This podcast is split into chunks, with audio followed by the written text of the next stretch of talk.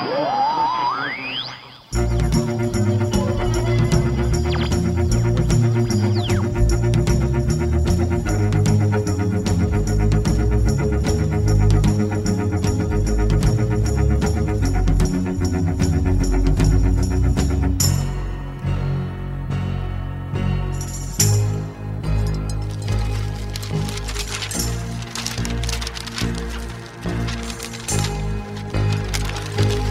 Açık Gazete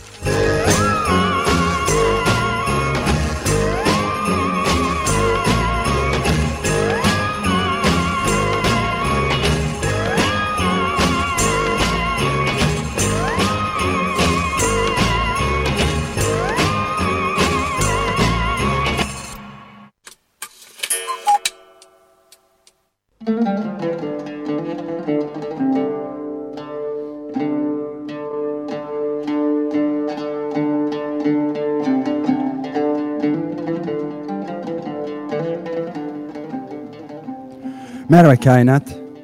Bugün 26 Ekim Pazartesi. Yıl 2020, ay 10, gün 300, Hızır 174. 1442 Hicri, Rebiülevvel 9. 1436 Rumi, Ekim 13. Günün tarihi. 115 yıl önce bugün yani 26 Ekim 1905'te Kuzey Avrupa ülkelerinden İsveç ve Norveç birbirinden ayrıldı. Büyük Saatli Marif Takvimi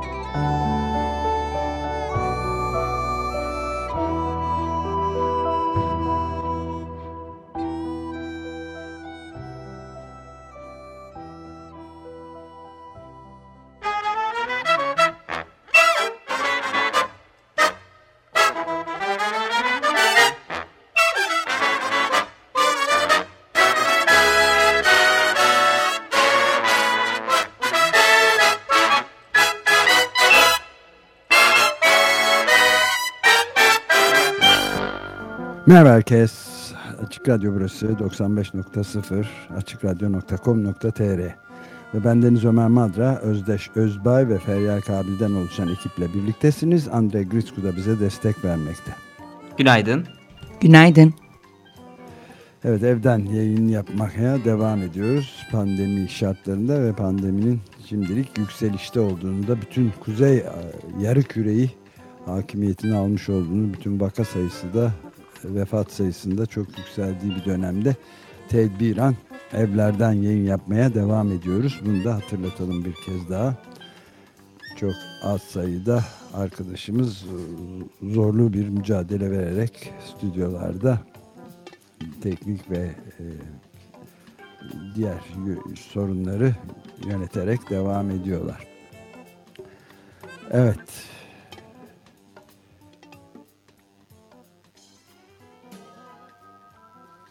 Şimdi bir e, şarkı, girdiğimiz şarkının adı e, Song to Celebrate Anne Bronte's 200th Birthday. Yani e, yazar Anne Bronte'nin 200. doğum gününü kutlamak için bir şarkı Eylona müzikten çıkmış bir şarkıydı ve kardeşli Bronte kardeşlerin en küçüğü olan ve Agnes Grey adlı romanı yazan Anne Bronte'nin kendi şiirini.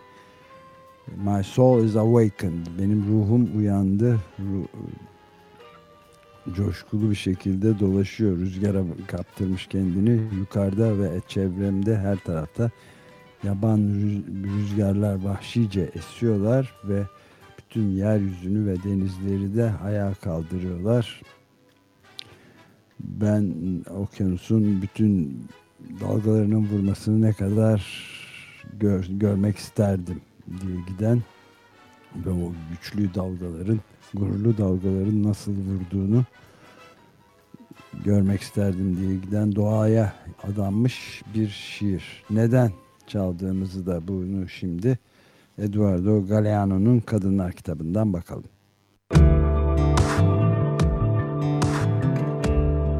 Kadınlar Eduardo Galeano. Çeviren Süleyman Doğru.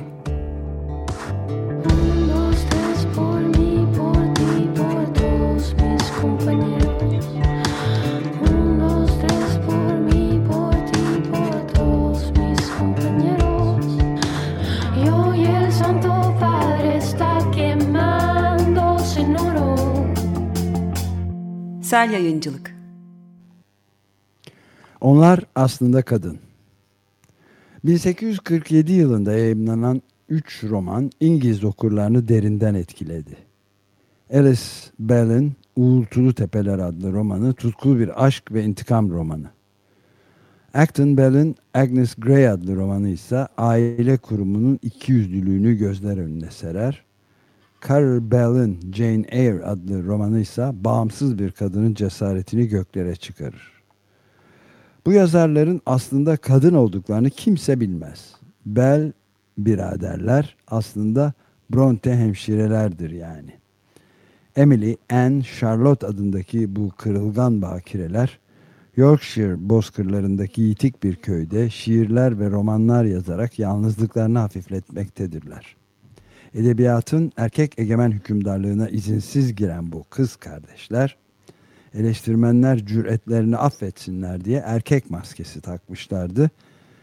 Ancak eleştirmenler onların kaba, ham, terbiyesiz, vahşi, hayvani ve ahlaksız eserlerini yerden yere vurdular.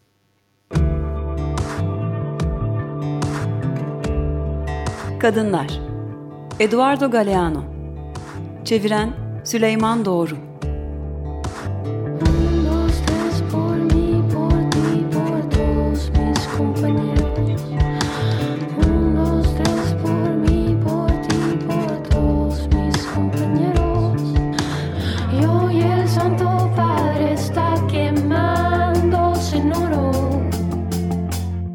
Sel Yayıncılık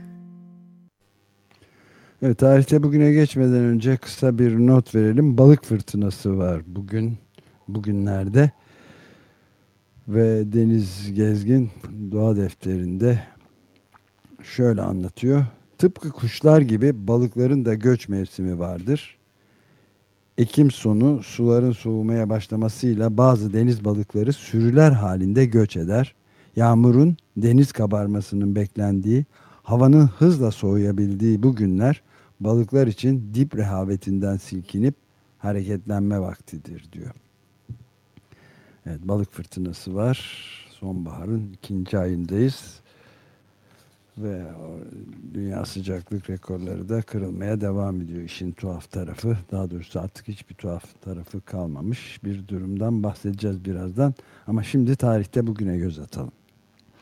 1759 yılında bugün Fransız devriminin en önemli kişilerinden biri olan avukat ve politikacı Georges Jacques Danton doğdu. 1789 Fransız devrimi sırasında Jacobenler arasında yer alan Danton hitabet yeteneğiyle ün kazanmıştı. Ancak devrimci terörün fazla ileri gittiğini söylemesi üzerine 1794'te giyotinden kurtulamayan isimler arasında yer alıyor. Server Tanilli Fransız devriminden portreler kitabında şu anekdotu yazar. İdam mahkumlarını taşıyan araba Greve alanına doğru yol alırken Robespierre'in kaldığı evin sokağına da sapar. Yol boyunca çevresine sövgüler yağdıran Danton, Robespierre'in evinin önünden geçerken bütün gücüyle haykırır. Robespierre arkamdan geliyorsun. Gerçekten de Danton'dan 3 ay sonra Robespierre de giyotinle idam edilecektir. Tarihte bugüne devam edelim. 1938'de bugün yani bundan sadece 82 yıl önce Amerikalı DuPont şirketi ilk sentetik naylon elyafa yani fibere adını verdi. Plastiklerin 2. Dünya Savaşı sonrası bütün dünyaya yayılmasında DuPont'un özel yerini Amy Leather iklim değil sistemi değiştir kitabındaki bölümde şöyle açıklıyor. Henüz 1943 yılında savaşta plastik materyallere el konduğu zamanda DuPont bir üretim hattının tamamını plastikle üretilebilecek ev eşyalarının prototip, prototiplerini hazırlamaya adamıştı ve bu ürünler savaş sonrasında yaşanan plastik patlamasının temelini oluşturdu. Daha sonra plastikler büyük bir ekoloji krizine yol açacak şekilde yayıldı ve yayılmaya da devam ediyor. Evet şimdi de Osman Kavala'ya dönelim. İş insanı ve hak savunucusu Osman Kavala 1091 gündür içeride ve sinemacı Fatih Akın ve tiyatrocu Şermin Langhoff'un başlattıkları What Did Kavala Do? Yani Kavala ne yaptı ki diyelim aslında kampanyası videoları da devam ediyor. Şimdi akademisyen Ümit Kurt'a kulak veriyoruz.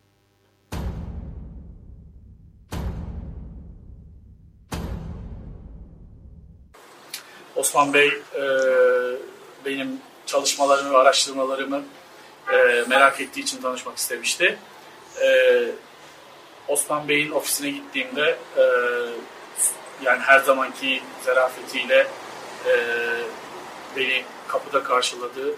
Daha sonra o kadar yoğunluğunun arasında e, zaman ayırdı ve araştırmalarımı, projelerimi e, dinledi, notlar aldı. E, tabii ben kendisiyle ilk defa o zaman tanışmıştım. Yani bir e, yani kendi çalıştığım hocalarımın, profesörlerimin bile e, dinlemediği kadar beni dinledi ve notlar aldı. Çok hoşuma gitmişti bu. Evet, şimdi de e, bu e, Ümit Kurt'tu, akademisyen. Şimdi de yazar Günzileli'ye kulak veriyoruz.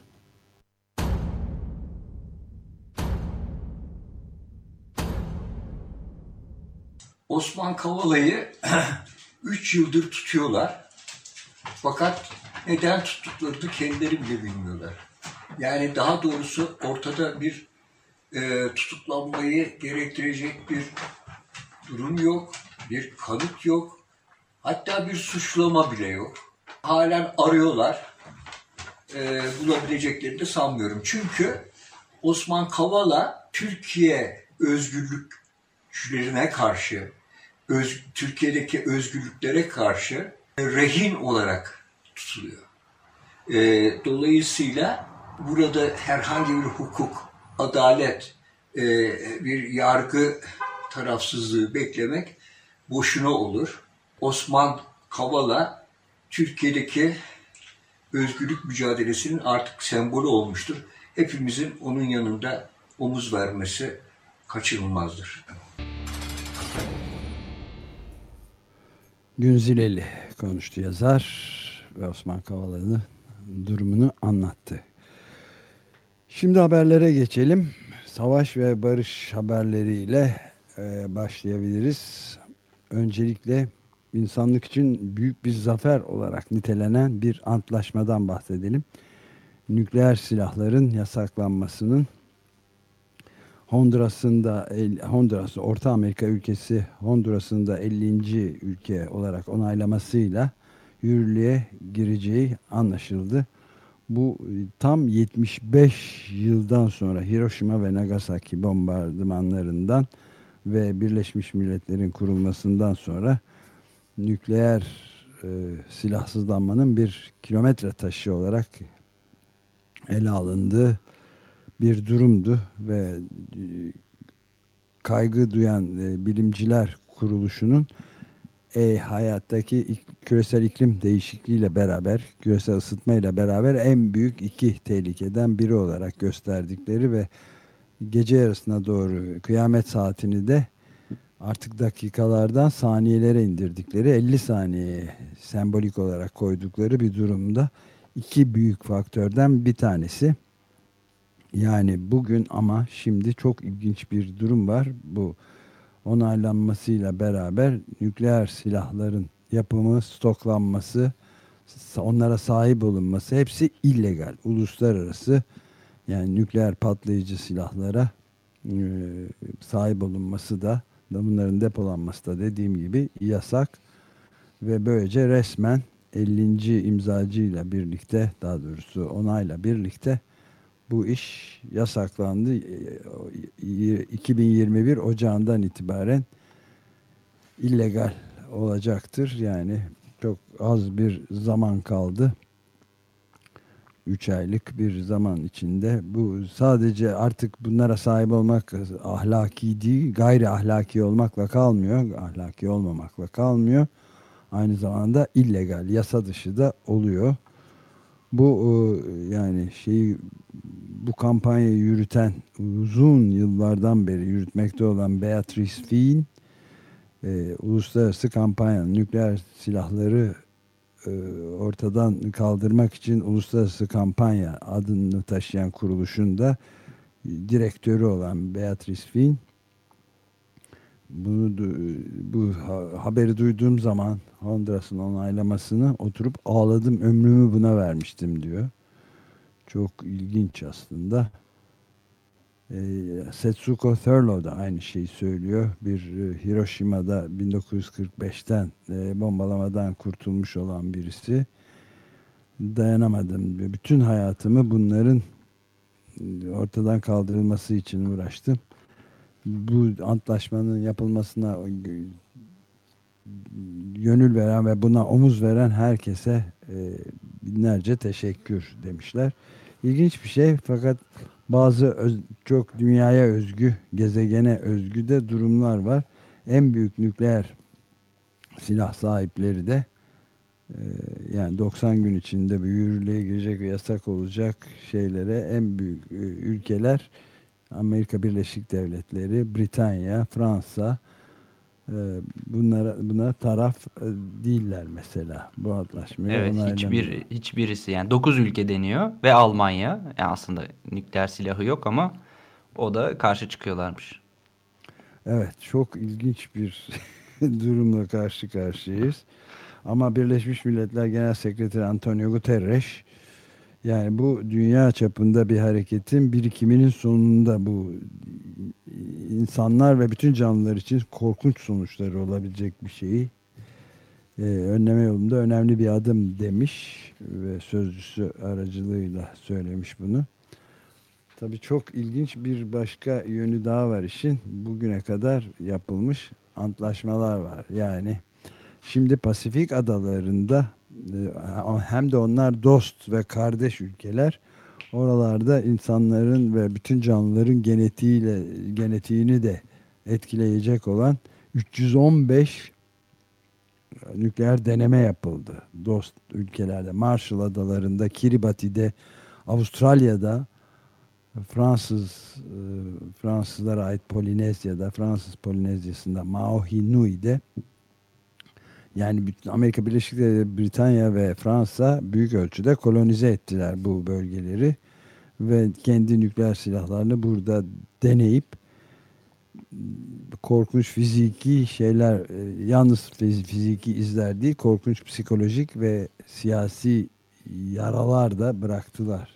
Tabii bu, bu haberleri şimdi her yerde görmek mümkün değil ama çok önemli bir adım olarak sayılabilir Guardian'da ve başka haber ajanslarından çıkmış haberlerden okumaya ve yorumlamaya çalışıyoruz. Bu 9 ülkenin toplam 13.400 nükleer silahı varmış şu anda. Nükleer silah başlığı varmış daha doğrusu. Ve hepsi nükleer silahlara karşı olduğunu söylüyorlar bir yanın. Neden imzalamadık? Hatta çok da ilginç bir şey daha var. Onu da ekleyip bu konuyu şimdilik kapatalım. Amerika Birleşik Devletleri e, ülkelere mektup yazarak sakın imzalamayın, onaylamayın. Böyle çok daha önemli aslında kurt, dünyayı kurtaracak olan bu anlaşmanın imzalanmamasıdır gibi şeyler edindi. Şu şeye baktım ben onaylayan ülkeler arasında kimler var? Son, toplam 70 ülke oldu değil mi? 50 ülke oldu 50. affedersiniz. Ee, baktım mesela e, Japonya yok. İmzalayan ya da onaylayan Hmm. ülkeler arasında yer almıyor. Yani, yani yeryüzünün en büyük suçuna maruz kalmış olan kendisi tamamen sivillerinin yani 4 200 bin nüfuslu bir şeyin şehrin yüzde seksenini filan yok eden sivillerini yok eden mesela bir ülkenin buna bunu imzalamamış ve onaylamamış olması tuhaf değil mi sence? E, Tuhaf ama belki şöyle bir şey olabilir. Aslında 3 yıl önce 122 ülke imzaladı bu anlaşmayı deniyor Birleşmiş Milletler çatısı altında. Fakat meclisten e, onaylatan 50 ülke olmuş. Me- 50 ülkeden sonra yürürlüğe giriyormuş. Yani belki Evet, evet, bu diğer tabii. Bu- 22 ülke arasında olabilir Japonya. Yani henüz Hayır yok parlamento... ona ona da baktım ben. İmzalayan ülkeler arasında da yok. Evet. Aa, bu ilginç bir şey. E, Türkiye'de yok ve imzalayan ve onaylayan ülkeler arasında Türkiye'de yok. Böyle bir şey. Yani e, Pasifik adaları olduğu gibi nükleer radyasyona maruz olmaya devam ediyorlar. Nükleer patlamalar yapıldı. Bu ulusla, ulusal sınırları da tanımadıkları aşikar yani. E, ve ne vize rejimlerine bakıyorlar ne de nükleer atık zaman sınırlamasına kuşaklar boyu devam edecek diye bunu da Fiji adası e, temsilcisi Birleşmiş Milletler temsilcisi Doktor Satyendra Prasad söylemişti bunu.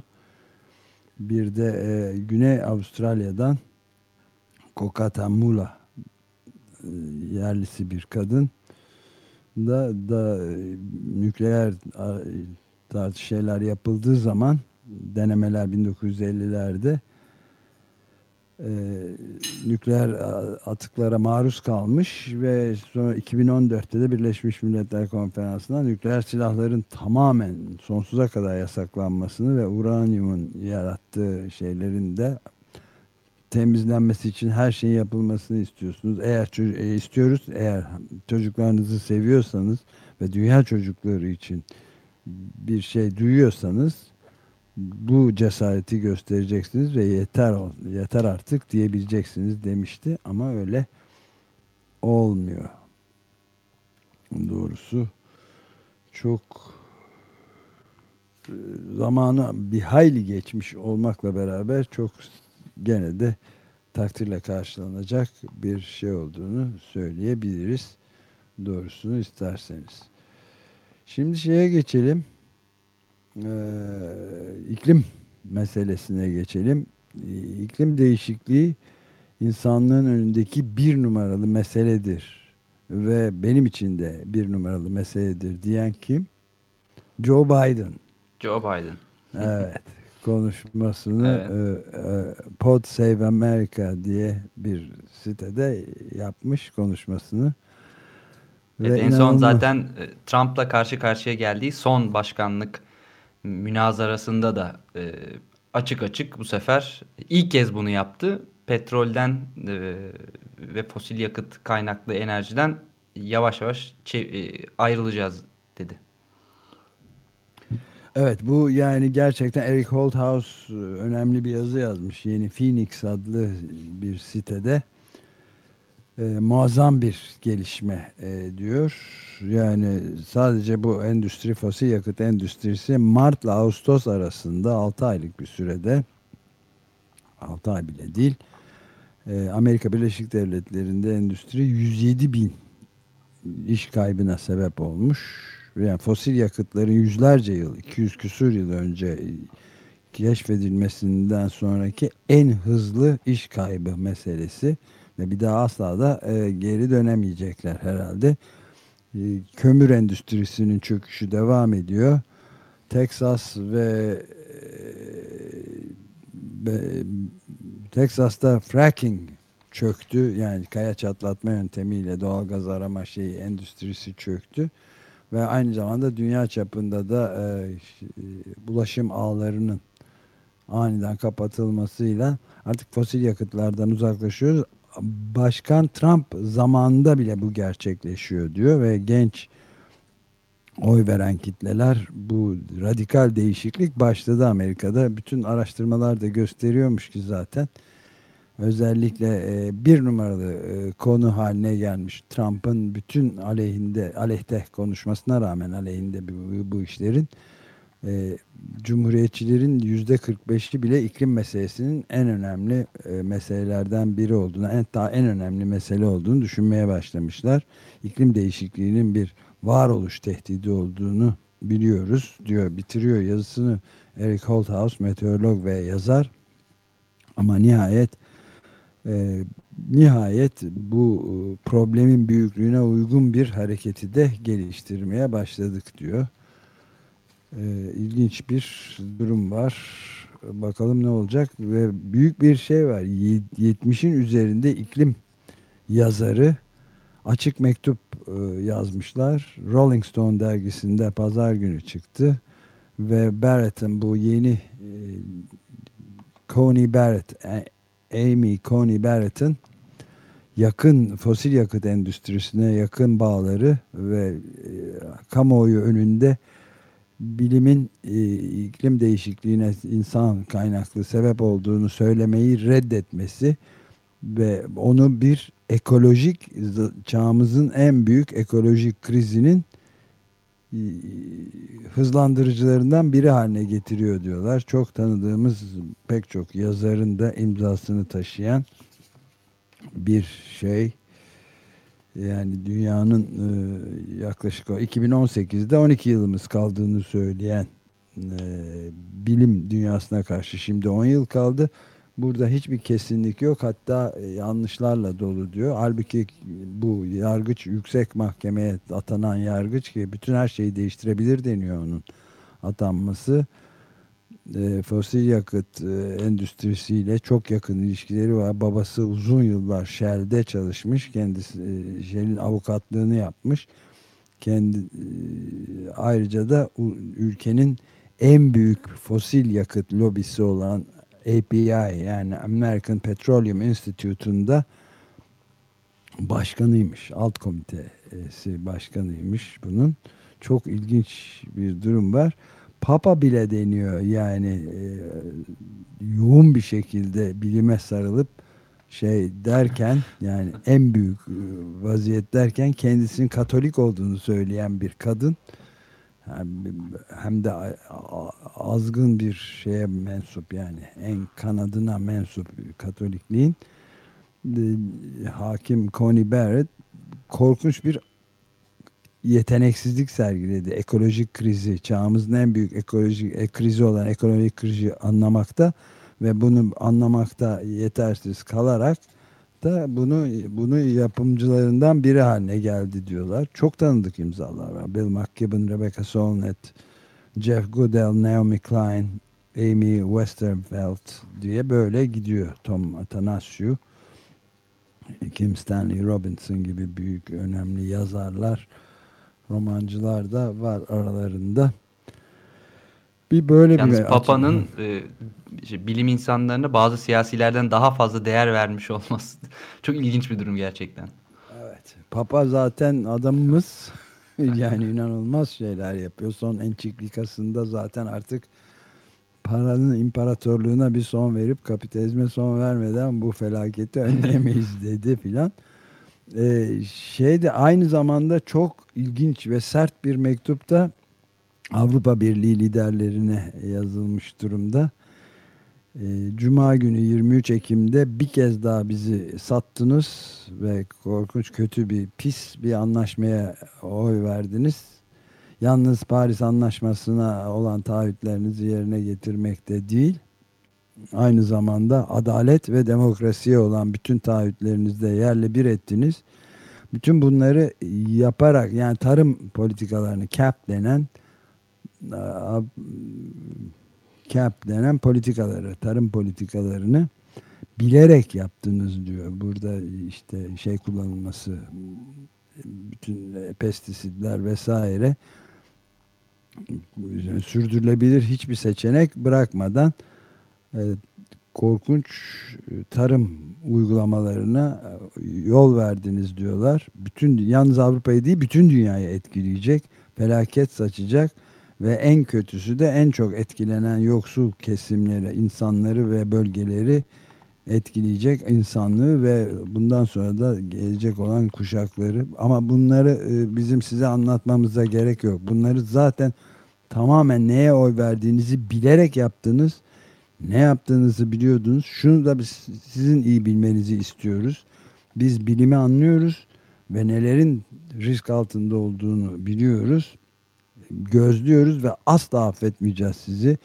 Buradan buradan yakanızı kurtaramayacaksınız diyorlar. Benim son baktığımda 19 bin civarında imza vardı. Pazar akşam üzeri. Ondan sonra bir daha bakmadım. Ama imzacılar arasında e, önemli isimler var. Sofia Guterres Kolombiya'dan, e, Brezilya'dan Abel Rodriguez ve İsveç'ten Greta Thunberg'in de yer aldı. Asla sizi peşinizi bırakmayacağız diyorlar. Ve son olarak şeyi de söyleyelim. E, Colorado'daki yangınlar Amerika Birleşik Devletleri'nin Colorado'daki 3 yangını bir gün içinde mesela bir tanesi Chicago büyüklüğünde bir yeri yakmış. Evet. Ve e, çok yüksek tepelerde yani sıfır, sıfır dereceye yakın soğuklukta yerlerde yanıyor bu. Bu şimdiye kadar hiç görülmemiş bir şey. 2002'den sonra önce zaten hiç büyük yangın görmemişler. Şimdi 40 bin hektarlık 3 tane birden yangın var. Bu işte binlerce yıldan beri ilk defa görülüyor diyorlar. Ee, evet iklim meselesi böyle bir şey ve fevkalade depresyona insanı sokabilecek bir haber de hava kirlenmesindeki küçücük artışlar bile e, azot dioksit mesela artışı dizel araçlarından çıkan e, yangın yüzde 39'luk bir akıl hastalıkları denen zihni bozuklukları yüzde 39 yüzde 40 oranında neredeyse artırıyormuş ve fosil yakıt yakmaktan ve işte fren lastiklerden çıkan parçacıklardan tozlardan çıkan risk de yüzde 18 artışa sebep oluyormuş. Bu da yani King's College London gibi itibarlı bir akademik kuruluşunda e, yapılmış bir araştırmanın sonucu Social Psychiatry and Psychiatric Epidemiology diye bir dergide standart sorular sorularak yapılmış bir çok sayıda 5 yılda yapılmış e, Londra'nın iki ilçesinde Southwark ve Lambeth'te yapılmış her türlü e, yaş, sosyoekonomik statü, komşularına göre ne kadar yoksulluk vesaire, ne kadar içki kullanılıyor, sigara kullanılıyor ve idman yapılıyor. Bunların hepsine bakılarak yapılmış ve küçücük e, hava kirliliğindeki artış bile çok büyük artışlara yol açıyor diyorlarmış. Böyle bir durum var. İstanbul'da barajların 10 yılın en kritik seviyelerine geldiğini kuraklık açısından belki bunu tarım politikalarını bugün tartışacağımız Ali Bilge ile konuşuruz. İstanbul'da hava kirliliği pandemi dönemine göre yani pandeminin yoğun olduğu sokağa çıkma e, yasaklarının uygulandığı döneme göre yüzde 12 artmış ve trafiğin trafiğin çok olduğu ilçeler öne çıkıyormuş hava kirliliğinde. Bu da çok önemli bir e, tespit Kadıköy, Göztepe, İkitelli ve Kağıthane'deki durumlar. Ee, ama bir de, de dehşet verici haber var. Ee, araba sevdası Recaizade Mahmut Ekrem'i hatırlatıyor. 1898'de yazdığı Araba Sevdası kitabını hatırladım nedense birden. Türkiye'de iki yıl içinde 258 bisikletçi ölmüş trafikte. Sadece iki yıl içinde trafik kazalarında ve e, kim ha, e, şeymiş kusurluymuş? Tabii ki bisikletçiler. Yanıldın. Evet. Sürücüler haklı çıkmış. Kaçta kaç peki oran? Gazete Duvar'ın haberi görmüşsündür. Evet evet. Tamamı. Tamamı. Tamamında sürücüler arkadan vurup yolun görmedim. Yolun ortasından gidiyordu. Yani bisikletli biçim bisikletli için ölüm göz göre göre geliyor deniyor. Bu da böyle. Recaizade Mahmut Ekrem'e buradan bir günaydın diyelim ve yani burada şöyle duyurmuşlar. Mahkeme süreçlerinde 258 kazada 258 sürücünün de haklı olması mantık dışı diyorlar. Yani hep e, suçlu bisikletçiler bulunmuş bu arada mahkemelerde. Evet ama bu e, tabi arabanın baş tacı olduğu bir tabii, tabii. düzende, düzenlemelerden kapitalizm, dolayı. Kapitalizm düzen, düzeninde başka bir şey beklenemezdi zaten. Hı. Araba Hı. sevdası dediğim o da Recaizade merhum tabii ki başka adlı arabadan bahsediyordu 1898'de 122 yıl önce ama bu başka bir durum maalesef vazgeçilmez bir şey. Ee, ve son olarak bir şey daha söyleyip geçelim. Nagorno Karabak'ta savaş devam ediyor derken birdenbire bir üçüncü ateşkes haberi geldi. Ee, evet, Pazar günü Amerika Birleşik Devletleri ile görüşmüştü iki ülkenin de Dışişleri Bakanları. Ardından gece geç saatlerde 11'den sonra aslında e, bu haber geldi. E, uzlaşmışlar. Üçüncü insani ateşkes deniyorlar. İki defa daha Rusya'nın girişimiyle imzalanmıştı. E, fakat bir saat sonra çatışmalar çıkmıştı. Bu sefer sabah 08 itibariyle yürürlüğe girmiş. E, yarım saat geçmiş durumda. Henüz çatışma haberi yok. Umarız bu sefer böyle olmaz. Öncekiler evet. gibi. Evet Vladimir Putin de Rusya'nın başkanı Vladimir Putin de bin kişinin öldüğünü e, açıklamış. O sayıya nasıl ulaştığını bilmiyorum ama böyle bir durum var. Peki şimdi e, bütün kuzey yarı küreyi de e, esir almış olan ve giderek artan şeye bakalım. Koronavirüsü durumuna bakalım. Açık Gazete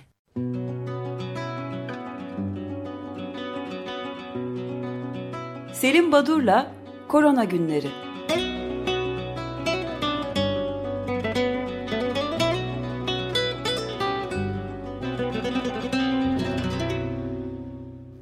Günaydın Selim Badur, merhabalar. Günaydın, merhabalar, iyi haftalar. Günaydın. İyi haftalar size de. Selamlar. Efendim, 42 milyon 926 bini geçti olgu sayısı. 43 bine e, dayandı. Son program Perşembe gününden beri 4 günde 1 milyon 754 bin diğer bir deyişle günlük olgu sayısı şu son 4 gün için günde 439 bin yeni olgu var. Biz günde 250-260 binlerdeydik. Süre önce, kısa bir süre önce günlük olgu e, yeryüzünde 438 bini aşmış vaziyette. E, oldukça e, yayıldığını görüyoruz. E, tabii Avrupa'da, Avrupa ülkelerinde de benzer bir durum söz konusu. Bu nedenle kısıtlamalar e, ciddi bir şekilde uygulanmaya ve yayılmaya başladı. Fransa ve Belçika'dan sonra İspanya'da e, gece sokağa çıkma yasağı uyguluyor.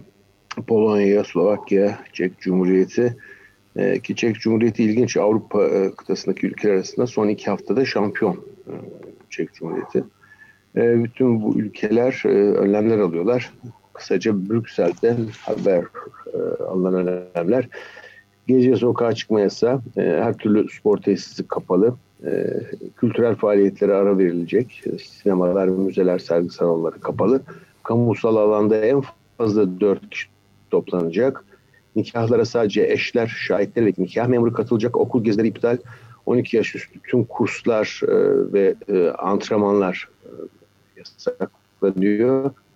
Paket servisi yapan izinli dükkanlar 22'de. Bunun haricinde tüm dükkanlar da saat 20'de kapanacak. E, kısacası e, Avrupa e, gittikçe önlemleri arttırıyor. Çünkü durum e, pek parlak değil. Fransa en yüksek ve her gün bir artarak gittiği için her gün daha e, yüksek, her gün daha fazla diyoruz. Ama çok e, ayrıntı gibi e, arada gözden kaçabilecek bir bilgi ama bana kalırsa çok önemli. Biliyor musunuz Fransa'da e, enfekte olan yani asemptomatik ya da semptomatik e, enfekte olmuş e, sağlık çalışanlarının görevlerine devam etmeleri istendi hafta sonu. Yani siz e, bir hemşiresiniz, bir kimsiniz ve e, COVID-19 testiniz pozitif çıktı, belirtiniz yok ya da hafif semptomlar var elbette. Solunum yetmezlik gibi çok ağır tablolar için söz konusu değil. Ama bu kişilere e, bulaş riskine rağmen ve etik sorunlara rağmen hayır e, evinize gidip dinlenmeyin e, siz çalışmaya devam edin dendi. Bu çok tuhaf ve çok e, vahim bir durum. Acı evet. Bu gerçekten acı bir durum. E, diğer ülkelerde de e, örneğin Çin'de her şey yolunda gidiyor. 187 olgu saptandı. Bu nedenle yoğun taramaya başladılar. Kolombiya'da olgu sayısı 1 milyona geçti. Amerika Birleşik Devletleri'nde Cuma'yı Cumartesi'ye bağlayan 24 saatlik süreçte 88.973 yeni olgu rekor kırıldı. Yeni rekor. Bu arada biraz önce Fransa'daki sağlık çalışanları konusunda söylediğime benzer bir durum. Avrupa ülkelerindeki bu ilaç değerlendirme komisyonunun bir raporu var. Rutin kullanılan 40 kadar ilacın 29'unda tedarik sorunu başlamış. Ne yani sorunu ilaçlar, pardon? Tedarik, e, temin ha, tedarik, sorunu evet. ve e, ilaç sıkıntısına doğru gidiliyor. İlginç. E, e, bu arada bir takım bu tarz güvenlik sorunları devreye giriyor. Örneğin aşıların depolanmasında güvenlik nasıl sağlanacak tartışılmaya başlandı. Çünkü e, örneğin İngiltere açıkladı evet ben milyonlarca doz aşı arıyorum ama bunlar öncelikli olarak sağlık çalışanları ve risk gruplarına öyle herkes 20-25 e, yaşında 30 yaşında sağlıklı bir bireyin aşıyı e, yaptıracağı düşüncesi pek doğru olmaz diyor. E, bir diğer haber Türkiye'den, Türkiye'deki duruma bakmadan önce bu garip bir haber Konya'dan geldi. Filyasyon ekiplerine saldırı. Meram ilçesinde filyasyon ekibi sağlık görevlileri şiddet ve hakarete uğramışlar. Ee, böyle bir e, olumsuzluk da Konya'da yaşandı. Ee, hastanelerdeki sağlık personeline saldırıları biliyorduk da filyasyon ekibine neden saldırıldığını pek anlamadım. Şimdi programın son bir dakikasında bu grip aşısını e, konuşalım demiştiniz ama Türkiye'de iki e, açıklamaya değineceğim. Türkiye'deki durumun da işte parlak olmadığını gösteren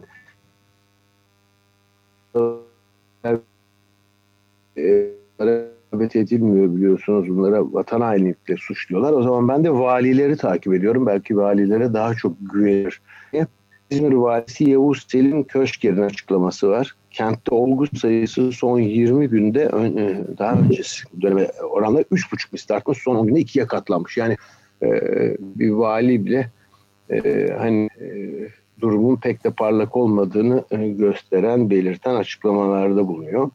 İstanbul Tıp Fakültesi e, Dekanı Profesör Doktor Tufan Tütek de son bir ayda Çapa'daki hastaların sayısı 3 misli arttı. Ağustos Eylül'de yaklaşık %12-13 olan e, pozitiflik oranı %5'i çıktı ve son e, nokta e, daha da dramatik son cümlesi bugünleri mumla arayabiliriz demiş Tıp Fakültesi Dekanı. E, bunlar e, durumun gösteren noktalar. Şimdi e, özellikle Sayın e, Kayahan Pala hatırlayacaksınız e, Temmuz ayında e, yaptığı bir açıklama nedeniyle işte açıklanandan daha fazla olgu var diyerek e, hani bilimsel verilerle e, gitmiyor bu işler Türkiye dediği için hakkında soruşturma başlatıldı. Sonra da herhangi bir e, suç unsuru bulunamadı açıklamasında. E, bilim insanının en doğal hakkıdır ve görebilir hatta e, gerçekleri söylemekten de ama e, yine de böyle bir tatsız daha doğrusu garip bir e, gelişme yaşanmıştı. Şimdi kendisinin bir yazısı e, çıktı e, hafta sonu ve e, bugün itibariyle diyor Sayın Pala Sağlık Bakanlığı tarafından 360 bine yakın olarak açıklanan hasta sayısı aslında COVID-19 olguları açısından buzdağının görünen yüzü diyor. Ee, daha sonra yazısında e, bu Sağlık Bakanlığı'nın kafaları iyice karıştıran vakaydı, olguydu tanımlamalarına değmiş ve çok doğru bir e, e, evrensel kavramdan bahsediyor. Bulaşıcı hastalık laboratuvarlarında e, sağlanır. Laboratuvarın sağlanan olgulara doğrulanmış olgu yani konfirme edilmiş olgu adı verilir. Klinik bulguları vardır ama laboratuvar testiye yapılmamıştır ya da e, negatif bulmuştur. Bunlara olası olgu denir. Bir de sadece bazı klinik olgular vardır. Bulguları vardır hastanın. Hani kesin değildir klinik bulguları. E, laboratuvarda test yapılmıştır. Bunlara da kuşkulu olgu denir. Doğrulanmış olgu, olası olgu ve kuşkulu olgu. E, ve bütün bunlardan hareketle kavram karışıklığı yapmaya gerek yok. Pandemi sırasında ortaya çıkan toplam olgu sayısının Türkiye'de bir buçuk milyonun üzerinde olduğunu tahmin etmek mümkün diyor. Ee, ve tıp e, literatüründe, tıp terminolojisinde her olgu aslında bir hastadır diyor. Ve iki örnek vermiş çok doğru. Ee, öğrenci ve asistanların eğitiminde olgu sunumu ya da eski adıyla vaka takdimi yapılırdı. Ya da e, bugün bilimsel yayınlarda hastalara ilişkin çalışmalar klinik olgular, clinical case olarak geçer. Yani yeni deyimler yaratmaya kafa karışıklığı yol açacak bu terminoloji kullanmaya gerek yok diye açıkladı. Sonuçta e, e, Pala e, sayıların hani kabaca e, günde 10 binden fazla olduğunu e, da bahsediyor ve e, belirtmiş e, bunun için e, bakanlığın resmi açıklamaları değil biz kendi de, e, çevremizden ve kendi meslektaşlarımızdan e, gelen rakamlara bakıyoruz. Örneğin aile hekimliği pandemi anketi açıklandı. Ekim ayı sonuçları. Günde ortalama 14.373 yeni PCR pozitif hastadan bahsediliyor bu raporda. Ee, işte e, durum e, pek resmi açıklamalardakinden e, aynı gitmiyor. Sayın Pala'nın yazısında sonbahar ve kış aylarında grip ve benzeri hastalıkların görülme sıklığındaki artışla eklenirse durumun daha da kötüye gideceğine e, vurgu yapılmış ve bu durum e, birçok e, bilim insanı tarafından da dillendiriliyor. Şimdi şu grip ile ilgili e, vurgu yapmama izin verin. E, grip aşısı kaosu başladı e, biliyor ve biliyoruz ki grip aşısı direkt olarak e, birebir doğrudan e, bu aşı sizi COVID-19'dan korumayacaktır. Ancak e, ne kadar hasta, az hasta grip şikayetleriyle sağlık kuruluşuna başvurursa COVID-19'la mücadele açısından o kadar e, daha rahat edeceğiz. E, bu biliniyor ve aile hekimlerinin son olarak birçok sağlık kuruluşunda ya da birçok meslek örgütünün yaptığı gibi kronik rahatsız olana grip aşısını reçetesiz yapın, işi kolaylaştırın çağrısı yapılırken e, birdenbire bakanlık vatandaşlarımız risk durumlarını e-nabız sistemi üzerinden öğrenecekler ve e-nabız sistemine göre e, buradaki özelliklerine göre e, aşılanacak dendi. Şimdi isterseniz bu grip aşısı konusundaki gelişmeleri şöyle bir toparlamama e, izin verin. Örneğin e, acaba e, bu e, pandemi döneminde grip olguları artıyor mu? E, bu konuda farklı ülkelerde farklı e, e, çalışma sonuçları var. Bizim için önemli olan Avustralya, Yeni Zelanda gibi Güney Yarımküre ülkeleriydi. Çünkü onlar grip mevsimini geçirdiler Nisan-Mayıs aylarında. Şimdi baktığımız zaman çalışmalara Avustralya, Yeni Zelanda, Şili ve Güney Afrika'da hatta Meksika'da dahil buna e, geçen yıllara oranla bu sene pandemide alınan fiziksel mesafe, maske kullanımı gibi önlemler her ne kadar istendiği boyutta olsa da toplumun bir kesimi bu kurallara uyuyor ve bu nedenle olgular azalmış. Yani da 2019 yılında 298 bin e, grip olgusu ve 810 2021'de bu sayı 298 binden 21 bine düşmüş. Neredeyse onda birine. 812 ölümde 36 ölüme düşmüş. Peki bir diğer evet e, azalacak bu çok şaşırtıcı değil. İkinci bir olgu peki e, biz acaba Covid ve grip olgularını bir arada görüyor muyuz? Buna ait çalışmalara baktım. Çin'de 544 olgudan %11.9'unda enfeksiyon yani birlikte enfeksiyon var artı COVID-19 özellikle hastanede yatışı uzatması açısından önemli deniyor Çin çalışmasında. Amerika Birleşik Devletleri ise New York'taki COVID-19 hastalarının %2.1'inde influenza varlığı saptanmış. Buna karşı Kaliforniya'da bu oran %2'den %20'ye çıkmış. Demek ki e, farklı coğrafyalarda, farklı e, insan davranışlarının olduğu bölgelerde e, grip ve COVID'in az ya da çok birlikte oluşumu ve e, bu nedenle de sorunun artacağı e, söz konusu. O zaman tabii grip aşısının önermek ve grip aşısını kimleri yapılacağının e, saptanıp bunun kullanımı e, gerekiyor, devreye sokulması gerekiyor. E, bu H1N1 pandemisinden sonra 2009-2010 yıllarında Dünya Sağlık Örgütü e, öncelikli grupları, risk gruplarının sıralamasını değiştirmişti ve ilk sıraya e, hamile, gebe kadınları koymuştu. E, tabii 22 Eylül'de eğer yanılmıyorsam tekrar değiştirdi. Covid-19 pandemisi sırasında önceliği eskiden olduğu gibi çocuklar ve e, gebeleri geri plana atıp yaşlılar, kronik hastalığı olanları ön plana çıkardı. Peki biz ne yaptık? Ee, bizde durum nedir? Bir de ona değineyim. Şimdi dünyada e, grip aşısı e, diğer aşılardan e, üretim açısından bir farklılık arz etmekte. Yani grip aşısını e, ya ben daha fazla satacağım bu sene talep var e, biraz daha üretimi arttırayım şeklinde yaklaşmaları mümkün değil üreticilerin. Çünkü belirli sayıda aşı üretiliyor. Bu belirli sayı teknolojik olarak daha çok üretimde embriyonlu yumurta kullanıldığı için e, grip aşısını üretmek diğer aşılardan daha güç, daha kısıtlı olanaklar. Ve bu nasıl yapılıyor? Mart ayında ülkelere kabaca o yıl Eylül ayında Kuzey Yarımküre için konuşuyorum. Eylül ayında ne kadar aşı talep edeceksiniz diye sorulur ve buradan alınan sayıla, sayısal değerlere göre e, sipariş üzerine aşı üretilir. Nitekim bu yıl 11 Eylül 9 Ekim e, tarihleri arasında 523 milyon doz aşı dağıtılmış. Dünyada bunun 1 milyara kadar e, dayanacağı düşünülüyor ki yani bunun örneğin 523 milyon aşının 194 milyonunu Amerika almış. Şimdi Türkiye 1.3 milyon doz aşı satın aldı. Peki bizde kimler aşılanmalı ve bu aşılananların sayısı nedir?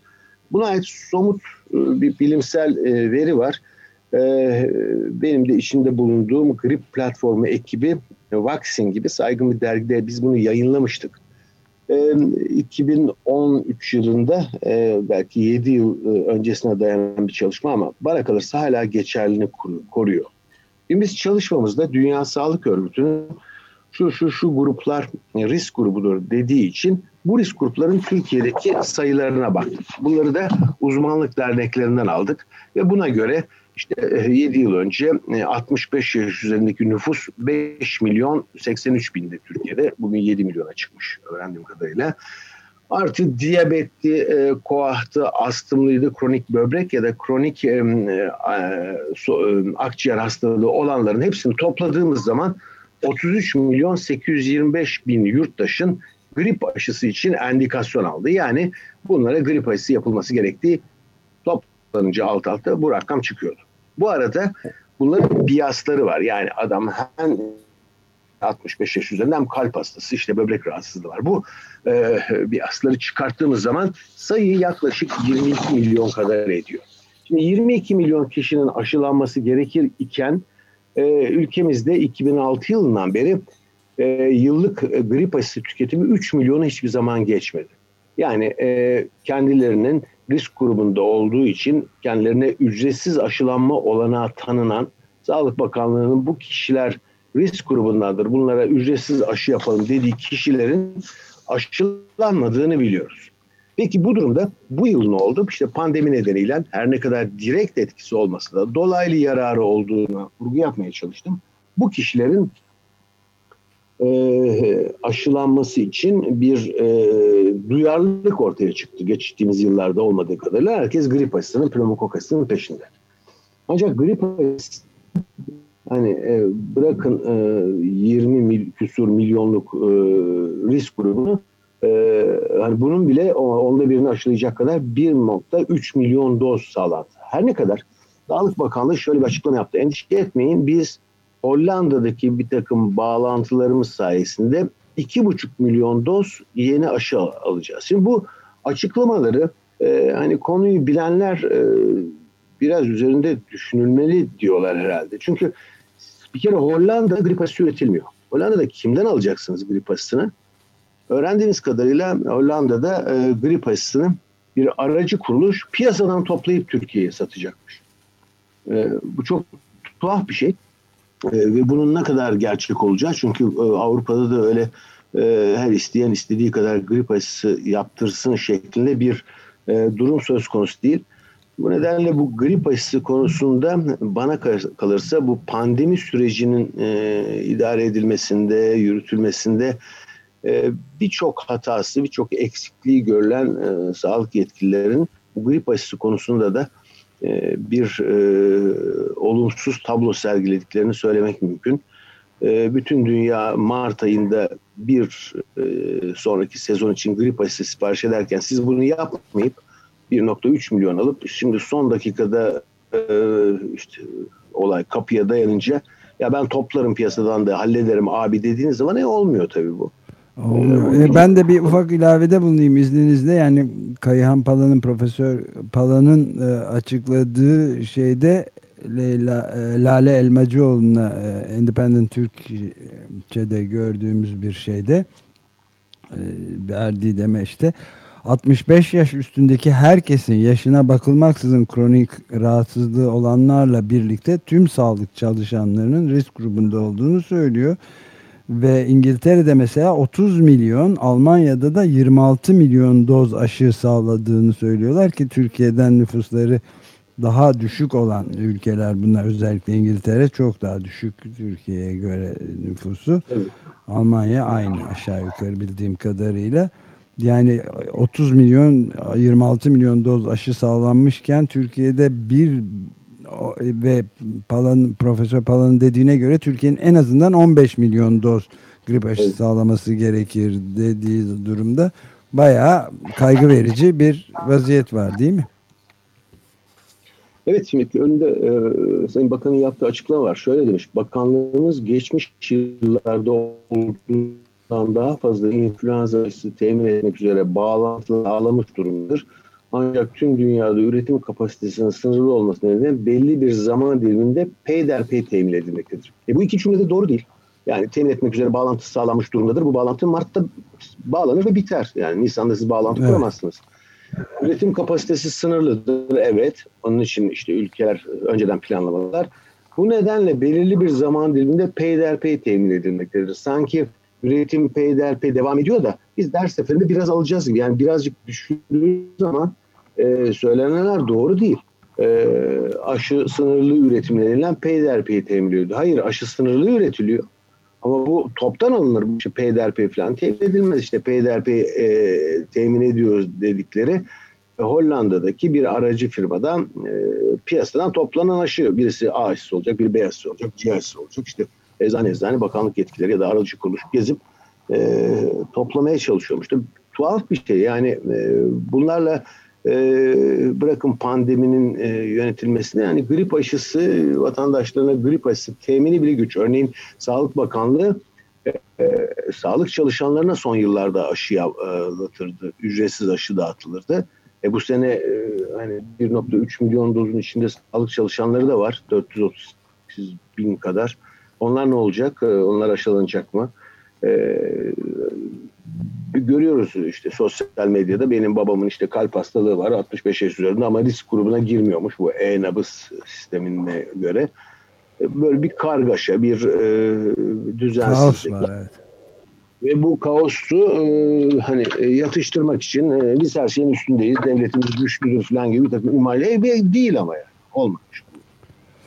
Doğru değil mi? Evet. Bence bu, bu konuyu biraz daha da e, sonra Perşembe günü de azıcık daha konuşmamız iyi olabilir diye düşünüyorum ben. Çünkü çok e, ciddiye binmek durumunda grip ve kış mevsimi de gelince yani e, özellikle mesela işte İstanbul Büyükşehir Belediyesi Başkanı İmamoğlu'nun da şey olduğu, Covid olduğu ayrıca Polonya devlet başkanı Buba'nın evet. da korona oldu. Amerika Birleşik Devletleri'nde de resmen e, bu konuyla so sorumlu olan e, Cumhuriyetçi Parti'nin Trump'ın e, biz Covid ile mücadele etmeyeceğiz dediği gibi çok akla ziyan açıklamalar oluyor. Aç, resmen açıklamış durumdalar yani. Biz Hayır, en azından etmeyi e, gerekli görmüyoruz diyorlar doğru ya da uygun olmasa da e, hani açık açık söylemiş konuşmuş. Evet evet evet aynen öyle. Yani bu da tuhaf. Ee, tabii Trump dediniz e, geçen hafta Nature dergisinde çıkan biz e, Trump'ın e, rakibini Biden destekliyoruz diyen bir yazı çıkmıştı. Birçok aslında tıp ve bilim dergisinin e, Joe Biden'ı desteklediklerini ve neden desteklediklerini açıklayan yazılar, editöryalar çıkmaya başladı. Son bir tanesi de Lancet'te çıktı. O da çok ayrıntılı, kapsamlı e, bir yazı. E, tabii Biden bu arada e, ben seçilirsem e, yurttaşlarımı ücretsiz aşılayacağım dedi. E, yani çok fazla e, politika değişikliği olur mu Amerika Birleşik Devletleri'nde? Bu konuda benim kuşkum var ama yine de böyle bir açıklama olduğunda belirtmekte yarar var herhalde. Peki efendim ben evet. burada durayım. Peki. Çok teşekkür ederiz. Görüşmek evet. üzere. Görüşmek üzere. Günler sağ olun.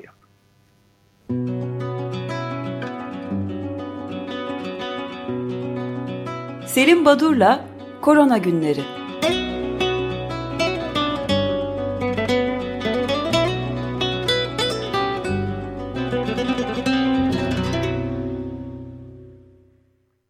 Açık Gazete. Ali Bilge ile Ekonomi Politik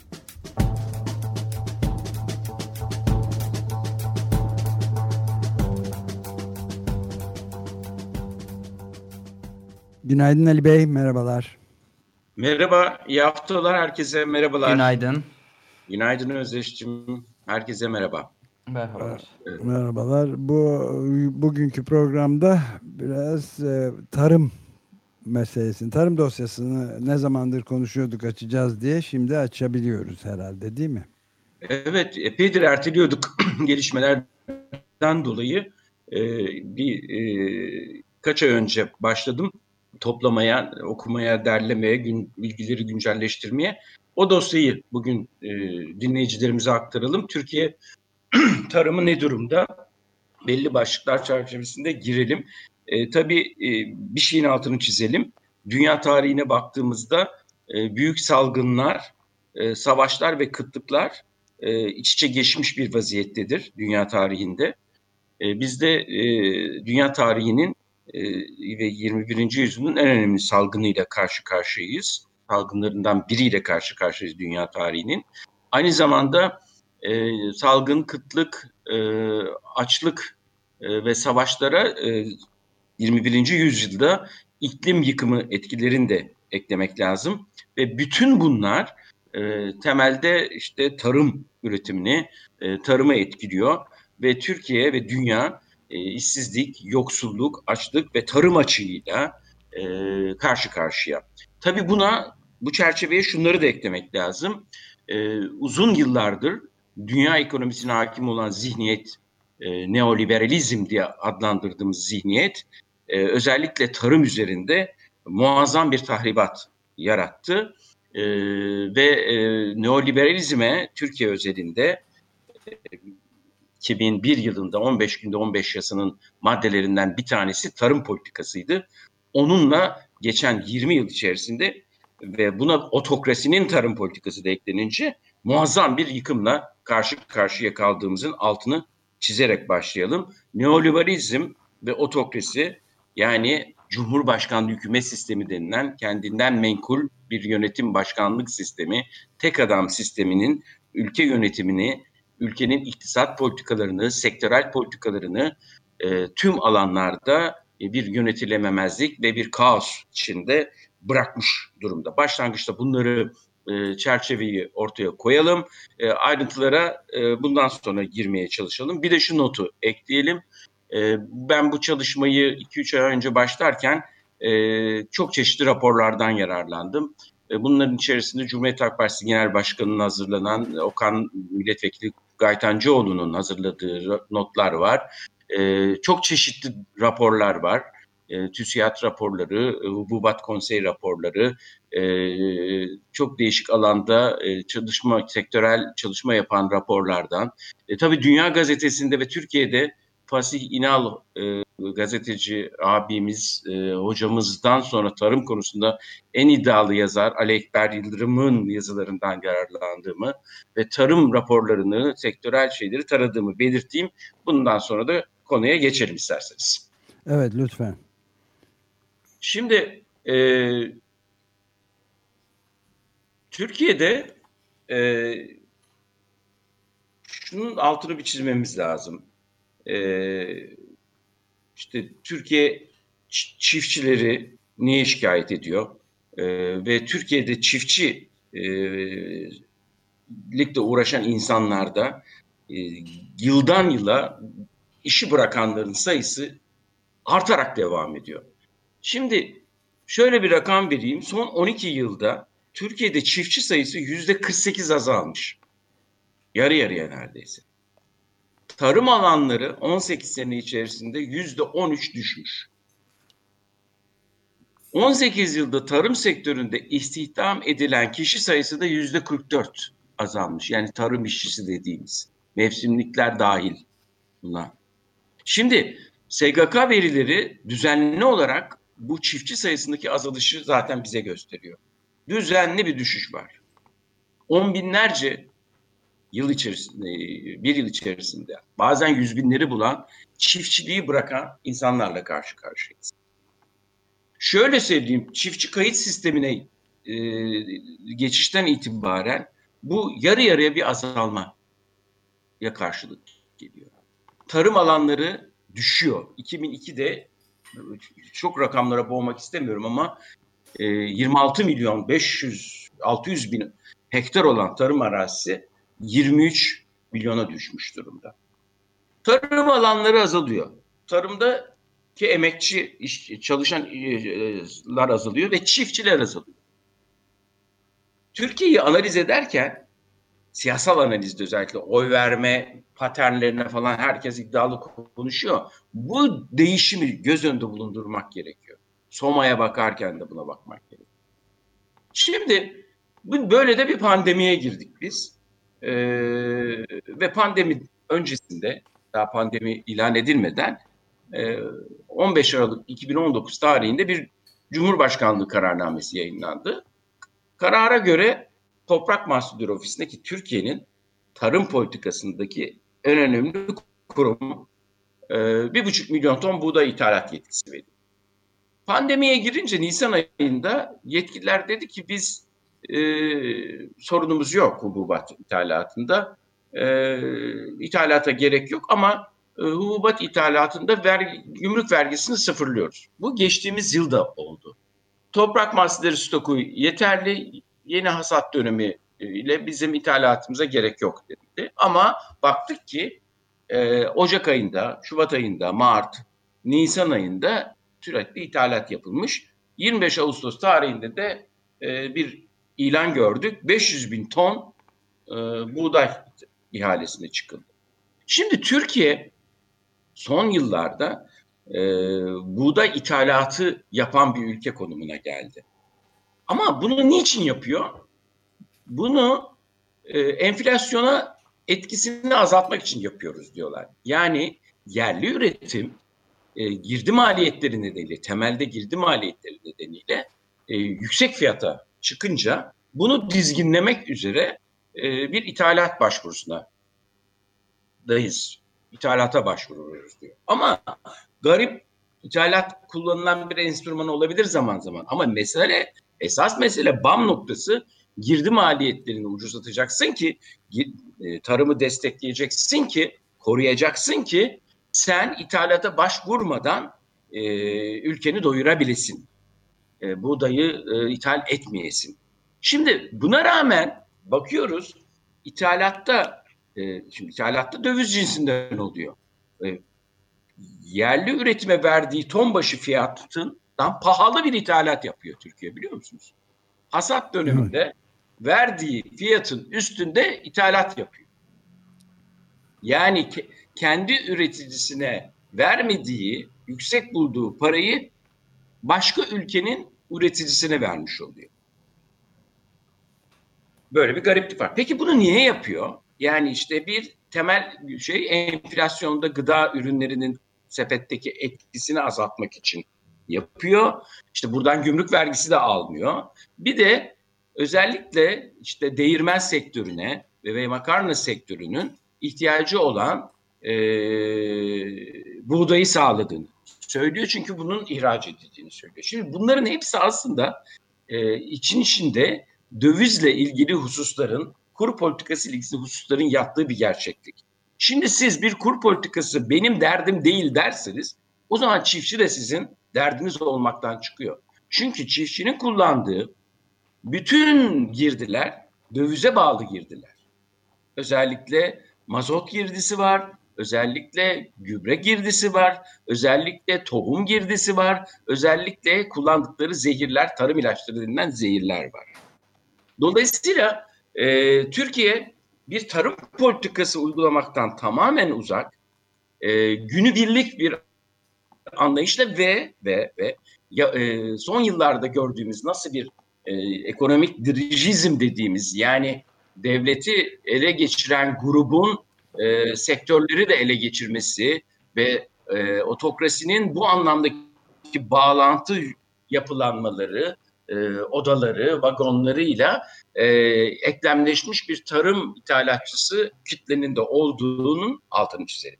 Ve bunların da gemilerle taşındığını da altını çizelim.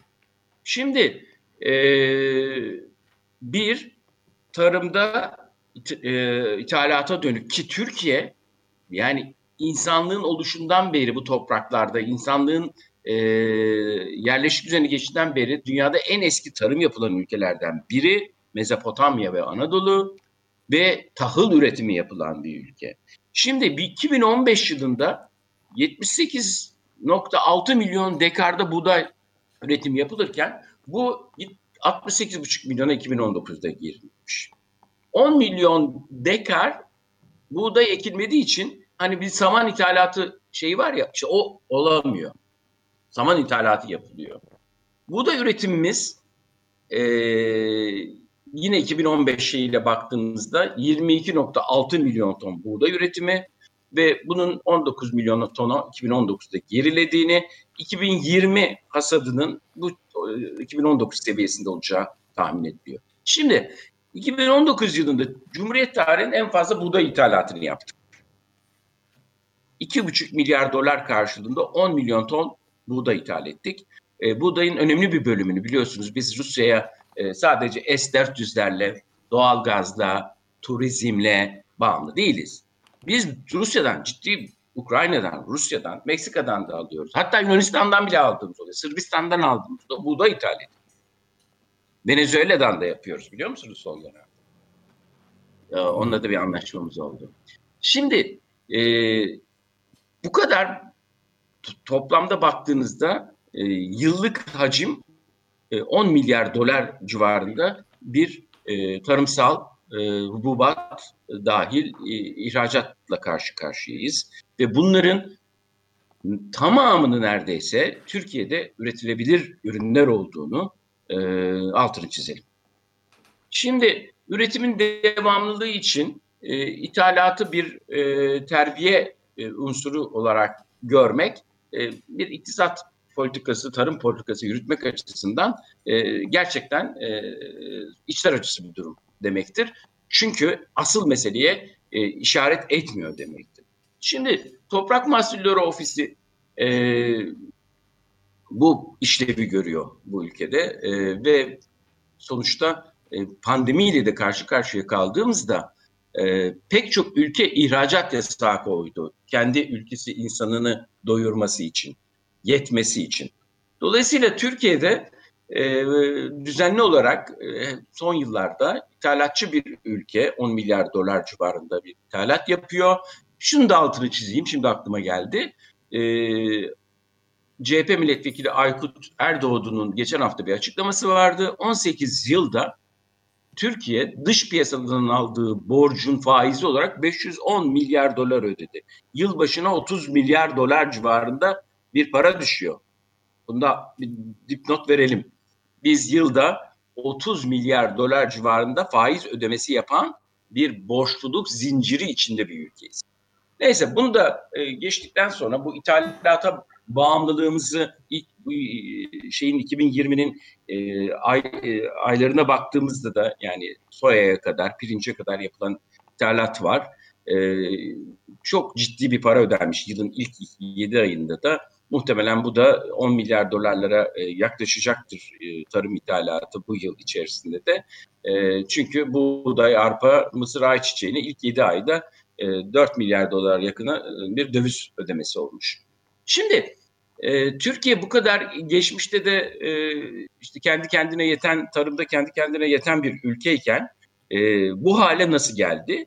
Elbette bu hale gelişte dediğim gibi neoliberal politikalar otokrasi yani Cumhurbaşkanlığı hükümet sistemi demek istiyoruz otokrasiyle e, yanlış uygulamalar farklı alanların, farklı kişilerin, grupların gözetilmesi ve yanlış e, politikaların uygulan. Bunların başında bunların başında destekleme politikaları geliyor.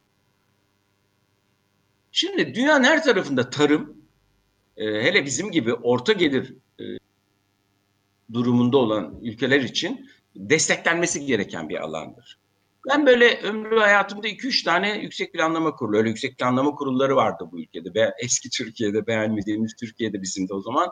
İşte orada e, hükümetler, başbakanlar, bakanlar bir sunum olur. Özellikle devlet planlama teşkilatı çalışmaları hazırlar. Şimdi devlet planlama teşkilatı yok biliyorsunuz Türkiye'de. Evet. O Kalkınma Bakanlığı diye bir bakanlık kuruldu. Onun için açıldı ve biz de devlet planlama e, performansını zerresini göremiyoruz bu bakanlıktan. Zaten bakanlıklar silindi. Her şey saraydaki komitelere bağlı olarak sürüyor. Tarım Bakanlığı'nın haberi olmadan saraydaki komite tarım üzerinde karar alabiliyor bu ülkede. Neyse bunu da şey yapalım. YPK toplantılarında başbakanlar özellikle bu işte Demirel, e, Özal, Ecevit e, kategorisindeki siyasi liderler e, şöyle bir bakardı. Derdi ki ya biz fakire fukaraya ne veriyoruz? köylüye ne veriyoruz? Yani gayri safi milli hasıla şu kadar bunun yüzde kaçını dağıtacağız vereceğiz. Çünkü onlar bir şekilde e, yılların tecrübesiyle şeyi bilirlerdi. Yani bunun e, yüzde dördü altına düşerse e, orada bir sorun olur. Şimdi bu rakamlar yüzde ikinin altında ve nasıl nereye ne verildiğini bilmeden yapılan desteklemeler haline gelmiş durumda. Bunda temel hususlardan bir tanesi gerçekten e, neoliberal politikaların özellikle tarımdaki tarımı piyasaya açmak e, ve ithalatla terbiye etmek ve ardından eklenen e, bu otokrasinin yönetilemezliğinin eklemlenince büyük bir açmazla karşı karşıya kaldı. Siz aslında mesela e, yumurta fiyatları e, yüksek seyrediyor çünkü yumurtanın e, yemi şey e, zamlanıyor sürekli. Düşünün yani yıl içerisindeki kur ne kadar arttı? O kadar da girdi maliyetleri arttı. Dolayısıyla e, esas değinilmesi gereken, eğilmesi gereken yere dokunmuyorsunuz. Bunu ithalatla e, dengeleyebileceğinizi düşünüyorsunuz. O zaman ithalata bağımlılık artıyor, çiftçilik azalıyor. Bakın Türkiye'de çiftçi yaşı 55 olmuş. Gençler çiftçilikle uğraşmıyor. 55 yaşındaki 55 yaş çiftçilik için bayağı yaşlı bir şeydir yani. Kopuyor insanlar çiftçilikten. Dolayısıyla bütün bu kur nedeniyle gelen girdi maliyetlerinin yükselişi e, en sonucunda fiyatlar yükseliyor. Fiyatlar yükselince çareyi biz bu girdi maliyetlerini ucuzlatmak, desteklemek yerine ne yapıyoruz? İthalata başlıyoruz. Yaptığın ithalatta da pahalı ödüyorsun. Bu arada işte e, şeye verdiğimiz Dünya Ticaret Örgütü'ne verdiğimiz tarifeleri e, deliyoruz. 130'dan %130'dan 45 oradan sıfıra çekiyoruz. Ve e, sonuçta bu ithalatın da dağılımı yani şehir hastaneleri dağılımı gibi. O ithalatı yapan gruplar da pek e, böyle şeffaf bir şekilde e, bilemiyoruz o grupları. Biliyoruz ama bilemiyoruz. Dolayısıyla Türkiye'de e, bu ülke coğrafyasında üretilen bu ürünler e, ithalata başvurularak sözde Türkiye'nin tarım politikası üretilmeye çalışılıyor. Üretim üretici desteklenmiyor. E, destekleme doğru dürüst yapılmıyor. Ayrıca bir sulama sorunu var. İşte beraberinde yerli tohum meselesi son derece önemli. Tohumda bağlısınız. Ha en önemli şeylerden bir tanesi borç. Şimdi bakın e, yine 2019 verilerine e, göre 2 milyon 260 bin çiftçinin kayıtlı çiftçi kayıt sistemine kayıtlı olan çiftçinin 120 milyar bankalara borcu var. Kooperatiflere de 10 milyar liralık tarımsal kredi borcu. 130 milyar borcu var çiftçinin. Bunun bankalara var. Bu arada kooperatif deyince aklıma geldi. Türkiye'de kooperatif üzerinden tarımsal e, işleyiş yüzde dörtlerde indi. Bu Birleşik Devletler'de Avrupa'da yüzde 75-80 seviyesinde. Onu da aklıma geldiği için şimdi söyleyeyim.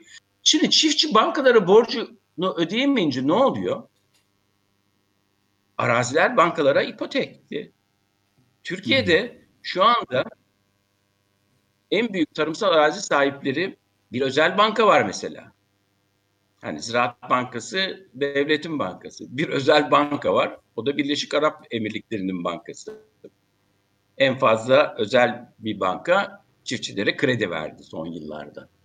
Şimdi bu aslında bir anlamda bankaların arazisi haline gelmiş oluyor.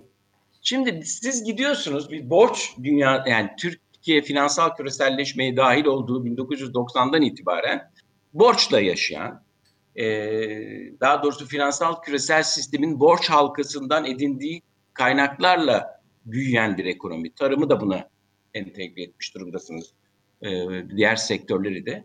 E, ve bunun da olay ipin, ipin ucu kaçmış durumda. Dolayısıyla bugün pandemiyle birlikte tarımın içine girdiği girdap e, aynı zamanda bir borç girdabı. Dolayısıyla bu, bu borcu yapılandırılması gerekiyor. Bir konulardan bir tanesi bu. Adamın hala tarlada çalışması, ürün elde etmesini istiyorsak bu girdi maliyetlerini azaltmak zorundayız. Ee, oraya planlamak zorundayız ve de borçları da yapılandırmak zorundayız. Ödeyemiyor insanlar.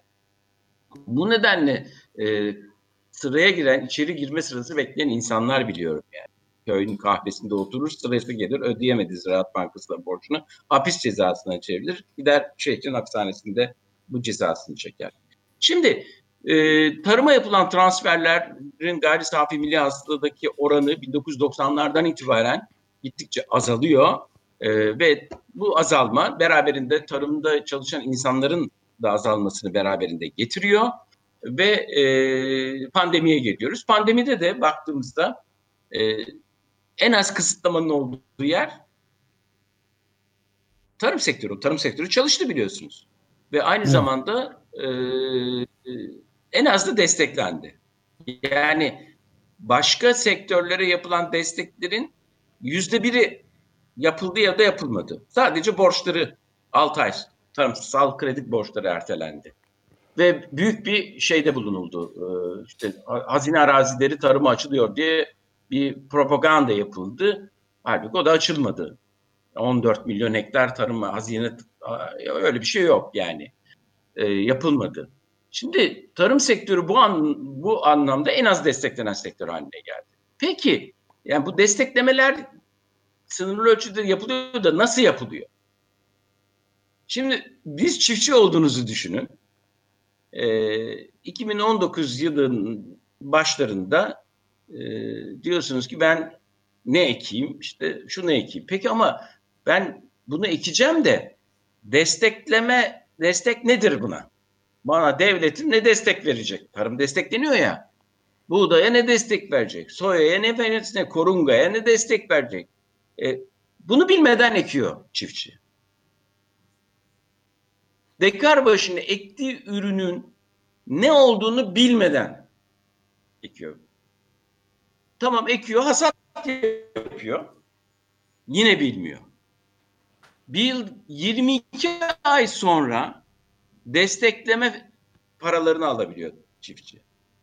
Şu anda 220 2020'nin hasadı oldu. Çiftçiler ne kadar destekleme primi alacaklarını bilmiyorlar. Açıklanmadı. 2020 ödemeleri, 2019 ödemeleri. Bunu da dört eşit taksitle ödüyorlar. Bir de yüzde dört vergi kesintisi var. Şu anda hasat bitti. Zararını da olsa sattı. İşte şunu etti, bunu etti ama çiftçi 2020 yılının destekleme alımlarını bilemiyor, bilmiyor. Açıklanmadı. Para yok çünkü. Evet. Böyle bir çiftçilik olur mu? Yani, yani bütün, bütün Avrupa sistemin... Birliği 7 yıllık desteklemeyi açıkladı. Önünde önünü 7 yıl görüyor çiftçi. Burada böyle bir şey yok. Yani Türkiye Cumhurbaşkanlığı hükümet sistemiyle otokrasiyle geldiği nokta tarımda bu. E, fakat e, ben şeyi de ilave edeyim izninizle Ali Bey. Yani e, Avrupa Birliği'nin e, CAP diye adı, adı verilen tarım destekleme politikaları konusunda da büyük bir tartışma var ve e, bütün bu e, yani pestisitler de dahil olmak üzere zararlı tarımsal e, uygulamaların toprakta verimlilik kaybının ve biyolojik çeşitliliğinde sürdürülebilirlik yerine biyolojik çeşitliliğin yıkılmasına da yol açan şeyler üzerine e, büyük bir tartışma başladı. Hatta Avrupa Birliği liderlerine de e, şu anda görebildiğim kadarıyla 23 bine varan sayıları açık mektup yazan, imzalayan şeyler var. Ve çok e, bunun peşini bırakmayacağız. Avrupa Komisyonu'nun bunu değiştirmesi gerekiyor. Bütün yeni öneriyi tümüyle değiştirmesi gerekiyor diye bir baskı var. Öbür yandan da şeyi de söylemek lazım. İstanbul'da barajların mesela son 10 yılın en kritik seviyesine indiği büyük bir kuraklığında başını gösterdiği İstanbul'da ve belki Konya'da da işte daha sonra üzerinde konuşabileceğimiz kuraklık meseleleri var. Yani bir e, iklim tek kelimede edilmiyor iklim değişikliği ya da biyolojik çeşitlilik konusunda sizin söylediklerinize ilaveten de onları e, eklemek gerekir diye düşünüyorum. Çok ciddi bir sorunla yani yalnız insanlığın değil bütün yalnız Avrupa'nın da değil yalnız bütün dünyanın sorunları olduğunu ve özellikle de işte başta yoksul çiftçiler olmak üzere en fazla bu iklim değişikliğinden etkilenen kişilerin en fazla vurulacak olduklarını da e, söylemek gerekiyor herhalde. Nitekim zaten salgın etkisini açlık ve yoksullukta gösterdi ve Birleşmiş Milletler e, daha şeyine verildi değil mi bu sene? E, evet evet verildi evet. ve çok e, yani takdire şayan bir şeydi unutuluyordu yani çok e, ağır bir durumla karşısında yani uzun vadede sürdürülebilir bir beslemeye yetecek miktarda sağlıklı gıda üretebilmenin tek yolu diyor mesela yeni bir e, kitap yayınlandı Martin Empson e, editörlüğünde çevre krizine devrimci bir yanıt diye. E, şeyden Z yayıncılıktan çıkan bir kitapta Orada editör Martin Empson şöyle diyor. Bütün dünyayı uzun vadede sürdürülebilir beslemeye yetecek miktarda sağlıklı gıda üretebilmenin tek yolu kökleri arazinin kolektif mülkiyetine ve bahsi geçen üretim araçlarına dayanan bir tarımsal yapılanmadır diyor. Onun dışında e, bunun bundan çıkış olamaz diyor. E, şimdi bakın son bir bilgi e, bu Suriye'de zaten Arap Baharı'nın da başlangıcında bu var biliyorsunuz. Çok tekrar edilen. Evet, evet, aynen, aynen öyle. Şimdi geçen hafta mı, ondan evvelki hafta, evet geçen haftalarda e, Esad rejimi bu YPG'nin kontrol ettiği bölgelerde çiftçilerden buğday satın almış. Bunları da bir siloda depo etmiş. Bunları kendi bölgesinde, orada durum, güneyde durum vahim tabii. Yani özellikle bu buğdayda e, taşımak istemiş. Bunun üzerine YPG onlardan vergi almadan taşıtmamış. Yani öyle bir kavga var ki hem Suriye yetkilileri YPG'nin de kontrol ettiği bölgedeki çiftçilerden buğday satın alıyor. Bunları orada depoluyor. Bir gece bunları tırlarla taşımak isterken öbürleri de diyor ki taşıyamazsın. E, çünkü onların da ihtiyacı var. Yani iş o kadar feci noktalara gelmiş durumda ki. Ve biz de e, yani demin söylediğiniz Avrupa Birliği'nin işte e, özellikle o zehirli meseleler falan Türkiye'de bunlar konuşulmuyor bile. Evet. Toprağın ne hale geldiği konuşulmuyor. konuşulmuyor bile. Evet, evet, evet. Aynen onu kastetmiştim ben de. Yani ne iklimden ne yani dolayısıyla ne biz öyle noktadayız ki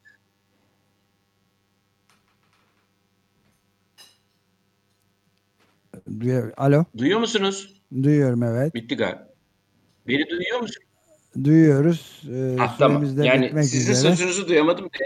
Ha, öyle mi? Evet yani. E, Bitti değil mi? Yani evet, bu konuda bu... aslında 5 program yapacak kadar bir çalışma yaptım. Ee, boyutlarıyla bakarız. Başka zaman arkadaşları zaman, da çağırırız. Evet evet. Zaman Herkese zaman iyi yayınlar diliyorum. Sesinizi gitti bende. Çok teşekkür ederim. Evet kolay gelsin iyi çalışmalar diliyorum. Teşekkürler görüşmek üzere. Hoşçakalın. Ali Bilge ile Ekonomi Politik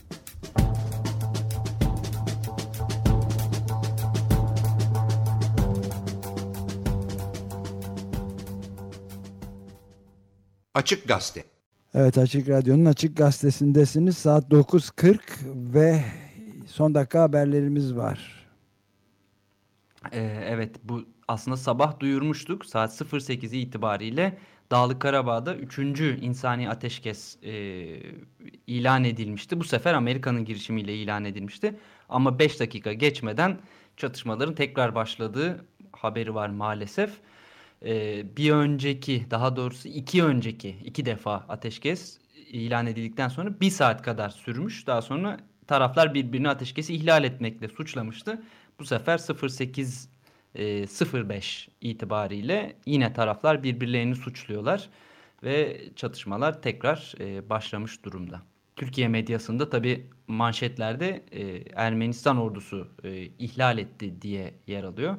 Ama Ermenistan da Azerbaycan'ı e, suçluyor bir yandan. Hatırlatmakta fayda var. Azerbaycan Cumhurbaşkanı Aliyev bir ateşkesin Ermenistan'a toparlama fırsatı vereceğini bir haftalar önce söylemişti. E, bundan sonra gerçekleşen bu üçüncü ateşkes anlaşması üçüncüsünden, üçünden de sonuç bir yandan alınamamış durumda.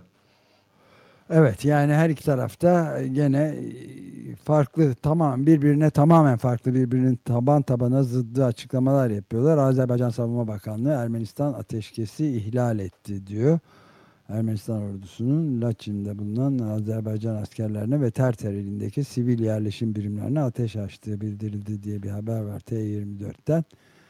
Ama e, öte yandan da e, Ermenistan'ın da iddiaları var galiba değil mi? Evet o da karşı tarafı tabii e, suçlar durumda. E, ama yani bu, bu zaten bu çatışmalarda yaklaşık bir ayı bulduk herhalde. E, gerçekten ne olduğu tamamen e, şey Savaşın e, sisi evet. E, belirli değil.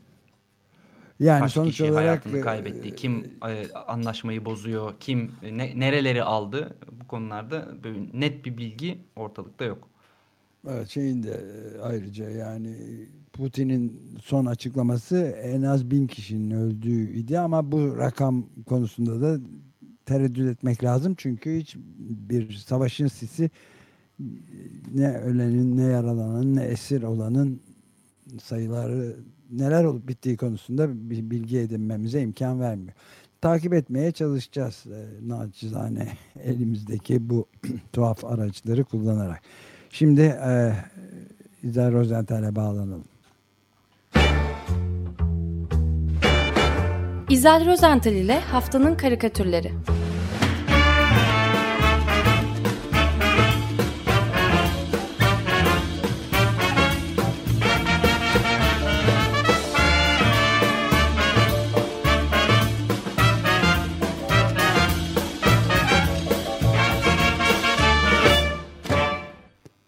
Günaydın İzel, merhaba. Günaydın. Günaydın Günaydın. Günaydın Özdeş. Günaydın Dünya, Feryal. Dünyanın Hazan mevsimi geldi. ferite- Yine hazan mevsimi geldi. Yine Evet, yapraklar rüzgarların peşi sıra gidecek. Ya ben şarkı biliyorsunuz değil mi? Ben bu sabah mevsimleri konuşalım diyorum ee, biraz. Ee, Lütfen. bugün 26 Ekim ve artık sonbaharın tam ortasındayız değil mi? Evet. Ama bazı şüpheler var. Mesela Joe Heller diye bir karikatürist, Amerikalı karikatürist. Ee, bu konuda şüpheleri olduğunu karikatürüne yansıtmış. Şimdi eskiden hatırlarım bazı belirgin göstergeler vardı. Mevsimlerin e, değiştiğini hep onlara bakıp e, anlardık ya. Joe Heller de e, dört mevsimi dört ayrı karede çizmiş. İlk karemizin adı kış. E, bu karede ön planda bir kadınla bir erkek görüyoruz. Konuşmuyorlar. Yüzlerinde de özel bir ifade de görmüyorum. Belki biraz mutsuz gibiler. Evet. E, bu Biraz kadar. kay, kaygılı, mutsuz hafif Hı hı. bir ifade var. Evet. Evet, yani kaygı da yok.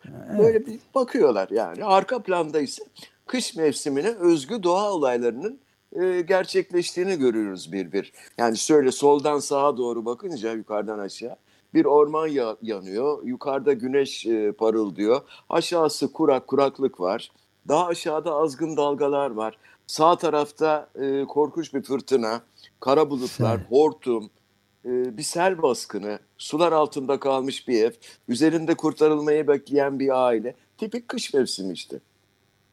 Şimdi ikinci kareye geçersek bu karenin adı da ilkbahar. Ön plandaki kadınla erkeğin pozisyonu değişmemiş. Aynı ifadeyle, o mutsuz ifadeyle bakmaktalar veya ifadesiz ifadeyle diyelim. Arka planda ise ilkbahar mevsimine özgü doğa olaylarının gerçekleştiğini görüyoruz. Yine soldan sağa doğru orman yanıyor, yukarıda e, güneş parıldıyor, e, aşağıda kuraklık var, e, dalgalar, sağ korkunç dalgalar hem de. Sağ tarafta yine muazzam bir fırtına, kara bulutlar, Hortum. hortum, evet, sel baskını, tipik ilkbahar. Evet. Şimdi geldik üçüncü kareye yani yaz mevsimine. Kahramanlarımız yine aynı yani kadınla erkek aynı ifade yine kameramıza bakıyorlar.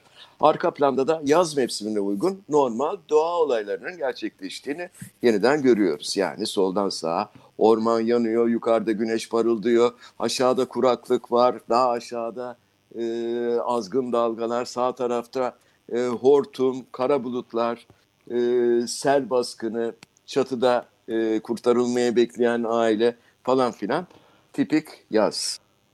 Evet. Son kare nihayet sonbahara geliyoruz. Artık tekrarlamayayım kendimi değil mi? Arka plandaki görüntü yine tahmin ettiğiniz gibi aynı değişmemiş. E, tipik sonbahar görüntüleri. Ön plandaki erkekle kadın bu kez dile gelmişler konuşuyorlar nihayet. Erkek hoş geldin sonbahar diyor. Kadın nereden anladın diye merakla soruyor. Ee, ana fikri değişen bir şey olmuyor. Mevsimler artık birbirine karışmış galiba. Evet. Ee, ikinci karikatür dostumuz e, Kamil Masaracı'dan. Ee, o da Cumhuriyet e, Gazetesi'ndeki yıllardır sürdürdüğü köşesinde e, sonbahar mevsiminin belki de son yaprağını çizmiş. Ee, aslında siyasetle hiçbir ilgisi yok bu karikatürün. Ee, karikatürün başrolünde e, yapraklarının tamamını dökmüş olan büyük bir ağaç görüyoruz. Bu arada e, faydalı bilgi Kamil Masaracı e, orman mühendisliğinden gelmedir. E, dolayısıyla ağaçta böyle güzel bir ağaç olmuş. E, bütün yaprakları dökülmüş. Sadece bir dalının ucunda tek bir yaprak var.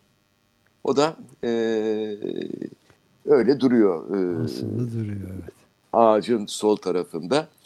E, Masaracı'nın tipik tek çizgi tiplemelerinden ikisi işte bu yaprağa doğru bakıyorlar. Öndeki e, tip kalantor, daha şişman, belli ki otorite, kollarını kavuşturmuş böyle.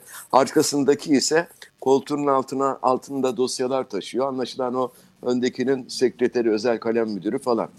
E, ikisi de mutlu mesut ağaçtaki tek yaprağa tebessüm ederek bakıyorlar.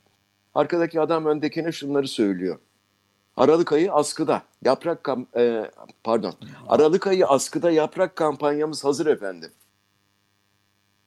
Öndekinin e, cevabı da tek kelime aferin. E, dedim ya bu karikatürün siyasi gündemimizle herhangi bir ilgisi yok. Absürt bir e, sonbahar karikatürü diyebiliriz buna.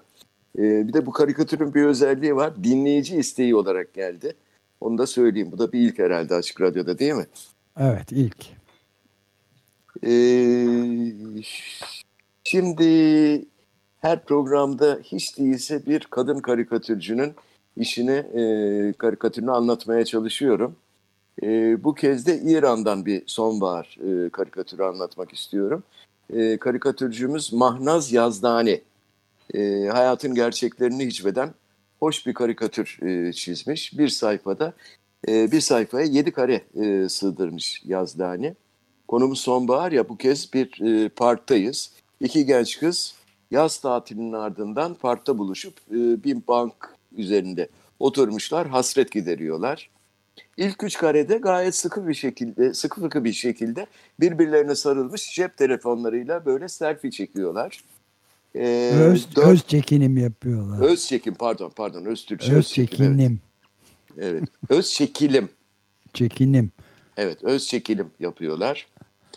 Ee, bunu düzeltmem lazım. Kendi yani e, lügatımla şey pardon vokabilerimi yok. Ne deniyordu? Sözlük. Sözlük. Şimdi dördüncü karede yine iç içe bir pozisyonda e, çektikleri öz çekilim resimlerini birbirlerine gösteriyorlar ve gülüşüyorlar aralarında. Çok samimi, yakın e, bir, bir pozda. Beşinci karede e, bu defa oturdukları bankta bank, birbirlerinden biraz uzak, uzaklaştıklarını ve maskelerini takmaya hazırlandıklarını görüyoruz. Altıncı kareye geldiğimizde kızlarımız ayağa kalkmışlar. Az önce oturdukları bankın her iki ucundan birbirlerine bu kez e, kollarını uzatıyorlar. Biraz da zorlanarak tabii. E, yumruk yumruğa tokalaşıyorlar. Son karede de birbirlerine el sallayarak farklı istikametlere doğru yol alıyorlar. Bu manzara evet, çok sık rastladığımız bir manzara aslında. evet. yani hep şahit oluyor. Hatta e, televizyonda izlediğim futbol maçlarında, basket maçlarında falan yani o kadar sıklıkla görüyoruz ki bunu. E, birbirleriyle işte e, dirsek dirseğe veya yumruk yumruğa e, selamlaşan, tokalaşan futbolcu veya hatta basketbolcular biraz sonra e, yani iç içe. Bir de şey var biliyorsunuz sokakta yürürken maskeleri takıp e, sohbet ederken maskeleri çıkarıp konuşup daha sonra tekrar takıp devam e, etme tabii, var. ama Özdeş e, müsaade et. E, ağız okumaya o kadar alıştık ki şimdi olmuyor anlayamıyoruz. Hele yani ben yaşa gelince biraz daha ağır işitme falan başlıyor tamam mı? E, mutlaka karşımdakinin maskesini çıkartmasını istiyorum yoksa anlayamıyorum ayıp oluyor. Peki. tamam değil mi? Tamam. Siz bilirsiniz. Biraz riskli ama. Ya o bize bir şey olur mu? Allah şey olmaz abi. BBOA. İşte bu. Nikaragualı karikatürcü Pedro X Molina. Kendisinden daha önce de söz etmiştim belki hatırlarsınız. Ee, Nikaragualı ama Daniel Ortega ile karısı Rosario Murillo e, ona takmışlar fena halde. E, çünkü o da onlara takmış. E, bu karikatürlerden dolayı da ülkesinden e, geçtiğimiz e, aylarda kaçıp e, Amerika Birleşik Devletleri'ne sığınmak zorunda kalmış. Her neyse Pedro X Molina da iklime takan, e, takanlardan. E, o da yanan ormanlar ve iklim e, krizine iyicene e, takılmış vaziyette e, karikatüründe bir baba ile e, elinden tuttuğu küçük oğlunu görüyoruz. Adam e, diğer elini açmış, gökten avucuna düşen e, dolu tanelerinin e, nereden geldiklerini anlamak için güneşli gökyüzüne bakıyor. Fakat o arkasındaki fabrika bacalarından çıkmakta olan yoğun dumanı da göremiyor. E, fabrikanın önünde ise demir örgülü duvarların önünde kesilmiş olan ağaçların e, gövdelerini görüyoruz. Onların arasında da bolca çöp, eski araba lastikleri, pet şişeler falan filan bir sürü bir yığın pislik var. Baba şaşkınlıkla gökyüzüne bakarken hava çıldırmış diyor. Çocuk ise daha akıllı herhalde arkasını dönmüş korkuyla fabrika bacalarından çıkan e, o kara dumanlara bakıyor. Evet diyor, evet hava diyor. Evet. Bu karikatürü geçtiğimiz günlerde Greta Thunberg sosyal hesabında paylaşmış. Paylaşınca da Pedro Molina e, ona bu paylaşımı için teşekkür etti. E, karikatürün altına da iklim ve ekolojik kriz e, söz konusu olduğunda belki de en çok gözden, gözden kaçan endüstri ormancılıktır e, diye yazdı. E, fakat yazısı bayağı uzun. Yazının tamamını e, okuyamam tabii ama merak edenler Pedro X Molina'nın Facebook sayfasından veya web sitesinden ulaşabilirler rahatlıkla. E, ben şimdi bir diğer e, iklim aktivisti olan e, Papa'ya geçmek istiyorum. E, fakat konu değişiyor.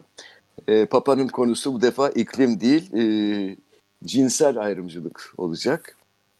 E, Papa 1. Francis e, geçen çarşamba günü Roma Uluslararası Film Festivali'nde premierini e, premieri yapılan Francesco adlı bir belgesel Evgeni e, Afinevski'nin belgeselinde eşcinsellerin sivil birlikteliğini savundu.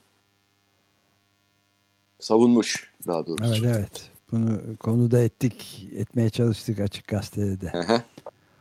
Ee, şimdi Papa daha önce de e, kilisenin aynı cinsiyetten çiftlerin sivil birliğini falan e, resmen tanıması gerektiğini de e, dile getirmişti.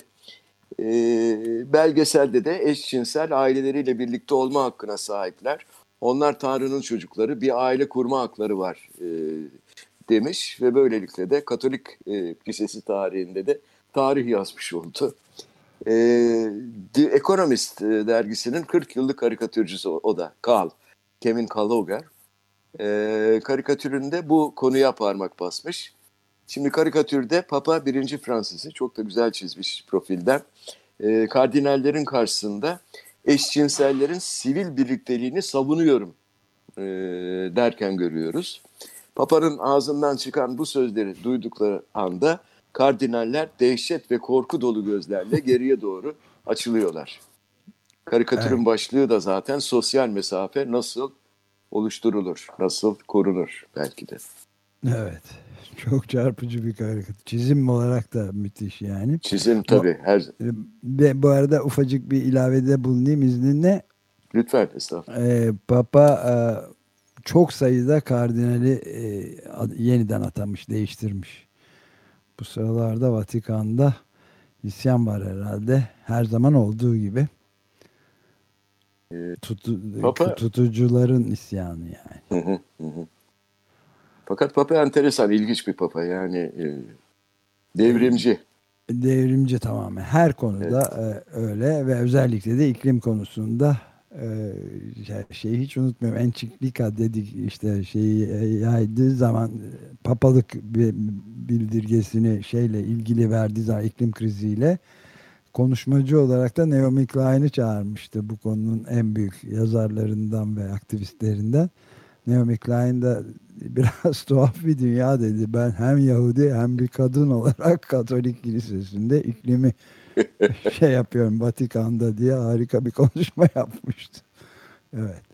Benzer bir söylemi ben Dani Rodrik'ten de duydum. O da Papa'nın danışmanlarından, ekonomik danışmanlarından bir tanesi. Öyle mi? evet. Papa ilginçmiş gerçekten. Papa, evet. Papa adamımız. Şimdi e, memleketimizden biraz insan manzaralarına dönelim isterseniz. E, geçtiğimiz haftayı özetleyen çok güzel iki karikatürüm var bugün. İlki e, Latif Demirci'nin e, fırçasından geliyor. E, ama e, sabah okudum e, bu haberi. E, alkol, e, daha doğrusu sahte içki yüzünden zehirlenerek e, hayatını kaybedenlerin sayısı 82'ye ulaşmış. Evet. 9 Ekim'den bugüne. 10 kentte. Ee, bir başka habere göre şimdiye kadar yapılan operasyonlar kapsamında 3547 şüpheli hakkında adli işlem yapılmış. 1 milyon 20 bin 819 litre sahte içki ele geçirilmiş. Bitmedi. 220 bin 911 şişe sahte ya da kaçak içki, 142 yasa dışı içki imalathanesi ortaya e, çıkartılmış. E, şimdi evde hobi olarak ya da maddi nedenlerle rakı üretimi yapan e, vatandaşların elbette ki sayıları sayısı bilinmiyor. E, Latif Demirci'nin karikatüründe de bu vatandaşlardan birini izliyoruz. Evde normal yemek masasının üzeri bir dolu cam, tüp, e, artık imbik, pipetler, cam balonlar, huni, damlalık aklınıza ne gelirse her şeyi koymuş Latif e, karikatürün içine. Küçük de bir gaz tüpü var. Üzerinde metil alkol yazan bir e, kova, bir derece e, ve daha bir yığın laboratuvar malzemesi.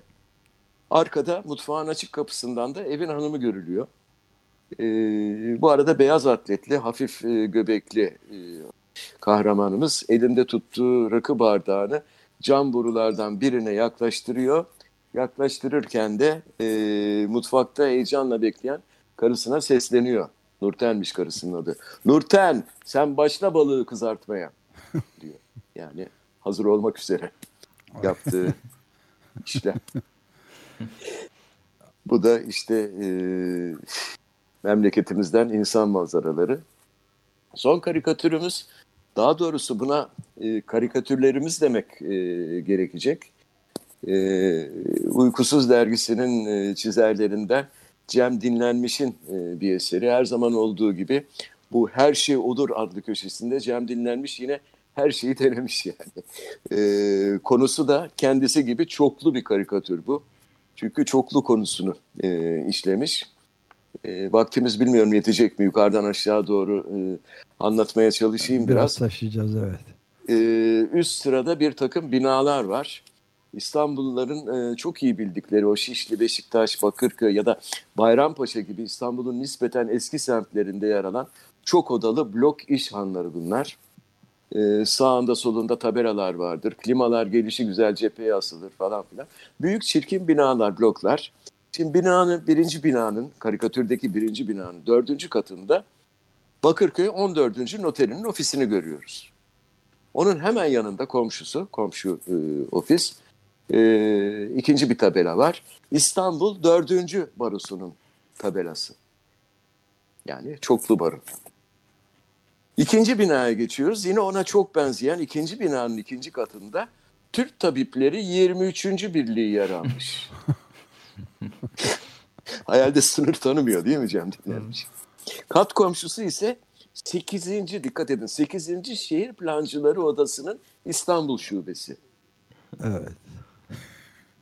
Müthiş yani. Bu binanın sağında da bir cami var. Caminin önünde e, yine müştem, müştemilata benzer, daha doğrusu atölyeye benzer, bir, bilmiyorum.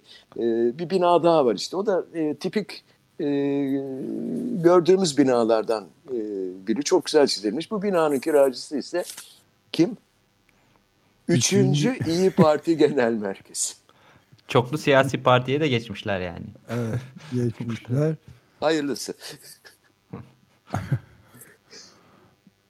E, alt sırada her şey oluru biraz daha geniş tutmuş Cem dinlenmiş.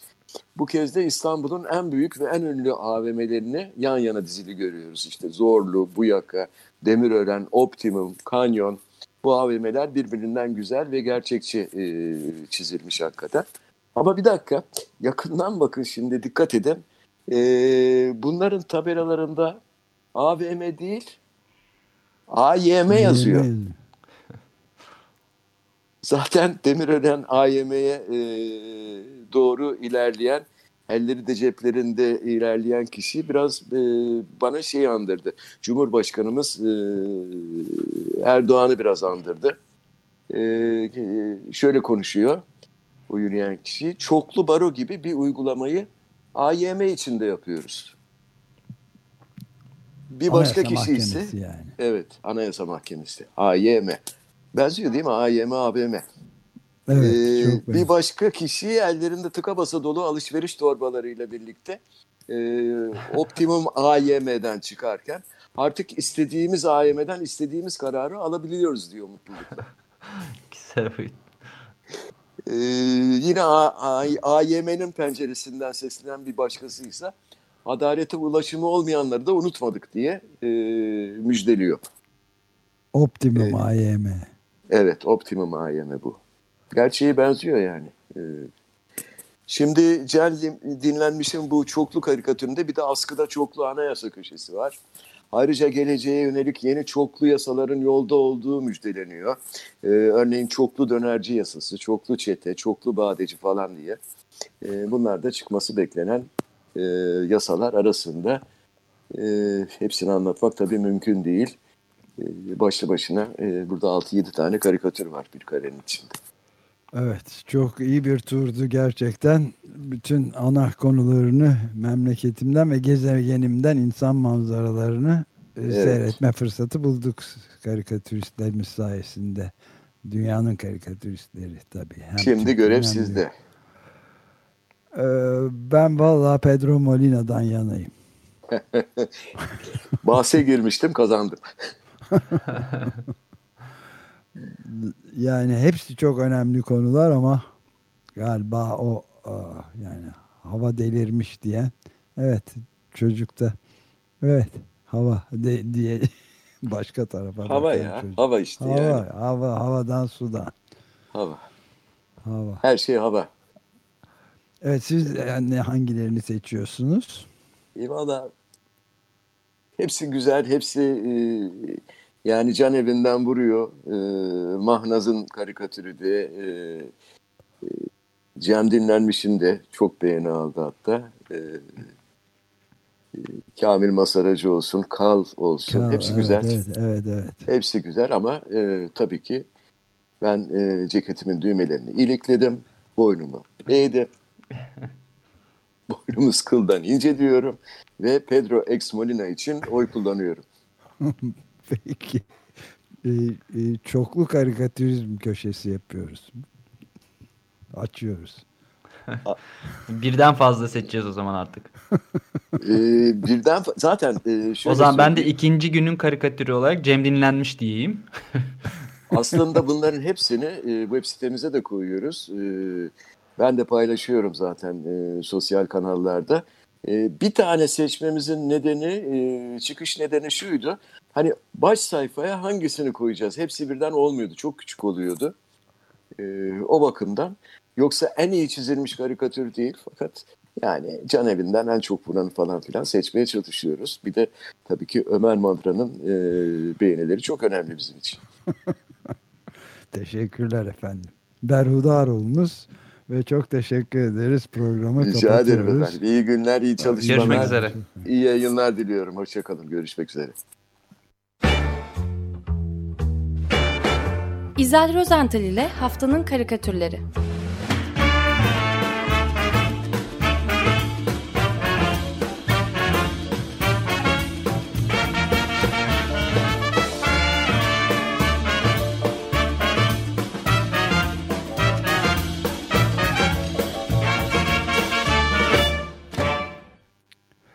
Evet Açık Radyo'nun Açık Gazetesi ikinci saati bitirdi. Saat 10.05 hatta 6 şu anda hatta 7 ve bir ara kısa bir aradan sonra reklamlardan sonra tekrar devam edeceğiz. Çünkü özellikle pazartesileri artık bir zorunluluk oldu. Biraz huy edinmiş de sayılabiliriz. Elimizde son dakika haberleri de dahil olmak üzere biriken çok sayıda dünya haberi var. Bir kısmını daha sizinle paylaşmaya çalışacağız birazdan. Açık Gazete. Evet Açık Gazete devam ediyor. Saat 10'u 10 geçiyor. 9 geçiyor. Ve biz e, son dakika haberleri de dahil vermeye çalışıyoruz. E, Destekçilerimiz Banu Aksoy ve Yıldıray Karakiya'ya da çok teşekkür ederek devam edelim. Neyle devam ediyoruz Özdeş? Ee, aslında çok sayıda haber var ama bir son dakika diyebileceğimiz bir gelişme Şili'deki referandum e, olabilir. Önemli bir e, gelişme aslında bu. Sembolik açıdan da önemli. Çünkü dünyada neoliberal politikaların e, Pinochet e, döneminde ilk kez uygulandığı ülkeydi Şili ve bir anayasa ile e, uygulanıyordu. Hatta e, Guardian'daki haberde Friedman'ın Chicago okulunun e, danışmanlığında bu neoliberal anayasanın hazırlandığı yer alıyordu. Bu anayasanın değiştirilmesi için yaklaşık bir yıldan beri büyük mücadeleler var. Aslında on binlerce kişi sokağa inmişti. Hatta COP zirvesi Şili'deydi. Ertelenmişti eylemler sebebiyle. 30 kişi de göstericide hayatını kaybetmişti. Devlet şiddeti sebebiyle. E, dün pazar günü referanduma gitti Şili. Anayasanın değiştirilmesi için e, büyük bir katılım oldu ve yaklaşık %80'le bu sabah saatlerinde aslında açıklandı sonuçlar. Yani Türkiye saatiyle sabah oluyor tabii. E, %80'le değiştirilmesi konusunda e, oy kullanılmış. Yani neoliberalizmin ilk anayasası diyebiliriz. E, artık değiştirilecek Şili'de yaklaşık bir yıl sürecek bütün bir süreç. Bir e, anayasa meclisi, anayasa yapım meclisi, halk meclisi gibi bir şey oluşturulacak. Yarısı da kadınlardan oluşturacakmış bu arada. Bu da bir ilk deniyor. Ee, bunun için seçimler olacak yakında. Yani siyasi partilerden olmayacak e, bu meclisin bileşenleri. E, bu da oylan, oylanmış durumda. Dolayısıyla böyle bir süreç başlamış oldu. Yani e, Pinochet'de, e, şey e, Şili'de pardon e, anayasa değişiyor yakın zamanda. Ya bu e, oldukça önemli bir haber çünkü e, yalnız neoliberalizmin ilk deneyi değil, ilk dünyadaki demokratik sosyalizm sosyalizm uygulaması de, ya seçim yoluyla gelen Salvador Allende'nin 3 e, yıl süren e, ilk denemesiydi dünyada seçim yoluyla sosyalist devrimi yapıldı. Ona tahammül edemediler ve senin dediğin gibi işte başta Amerika Birleşik Devletleri'nde Chicago ekolü denen neoliberal ekolün büyük bastırması CIA ve diğer e, Pentagon'un da bastırmasıyla gerçekleşen çok kanlı feci bir rejim kurulmuştu. Onun devam ettiren bir rejimdi bu da Pinochet rejimini. O, o yüzden çok e, ilgi çekici bir gelişme olduğunu söyleyebiliriz bunun. Tıpkı Bolivya'da da darbenin ardından bir sene sonra e, sosyalistlerin e, MAS'ın geri gelmesi gibi Bolivya'daki seçimlerde evet. de. Morales'in partisi. Morales'in partisinin bu da önemli bir e, gelişme doğrusu. Evet onun dışında e, bu şeyden bahsedebiliriz belki e, Cumhurbaşkanı Erdoğan'la e, Fransa Cumhurbaşkanı Macron arasındaki gerilimden, gerilim diyelim. Yani çok e, beklenmedik şeylerdi e, aslına bakarsanız. ifadeler de kullanıldı ve Fransa e, Büyükelçisini geri çağırdı Paris'e. Çünkü sert ifadeler kullanmıştı e, Erdoğan. E,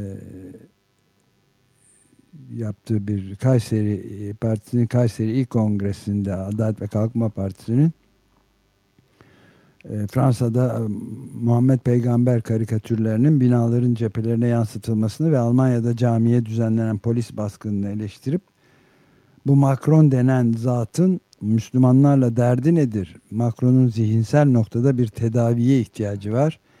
İnanç özgürlüğünden anlamayan ve kendi ülkesinde yaşayan milyonlarca farklı inanç mensubu insanlara bu şekilde davranan bir devlet başkanına başka ne denebilir? Öncelikle bir akli noktada kontrol demiş.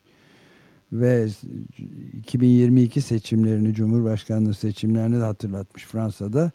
İkide bir Erdoğan'la uğraşıyorsun. Erdoğan'la uğraşmak sana bir şey kazandırmaz.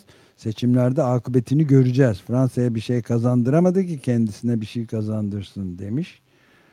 Ve akli melekelerinin yerinde olmadığını e, ima eden değil açıkça e, söyleyen bu ifadeleri de kabul edilmez bulmuş e, Fransa'da ve Büyükelçi danışmak üzere geri çekmişti. Fakat e, ilginç bu arada bir... şey, bu gelişmeler üzerine e, Fransa'nın Nazi Partisi diyebilirim. Ulusal Cephe'nin lideri Le Pen de açıklamada bulundu. Macron'un açıkçası ifade etmek gerekirse e, hem Lübnan'a müdahil hem e, işte Libya'ya müdahil hem de gerçekten İslam'da bir reform lazım gibi aslında aşırı sağcılara e, fırsat veren açıklamanın arkasından tabii ki Le Pen de çıktı ve başörtüsü yasaklanmalıdır kamuya açık alanlarda diye e, bir konuşma yaptı. E, bir televizyon e, programına katılmış.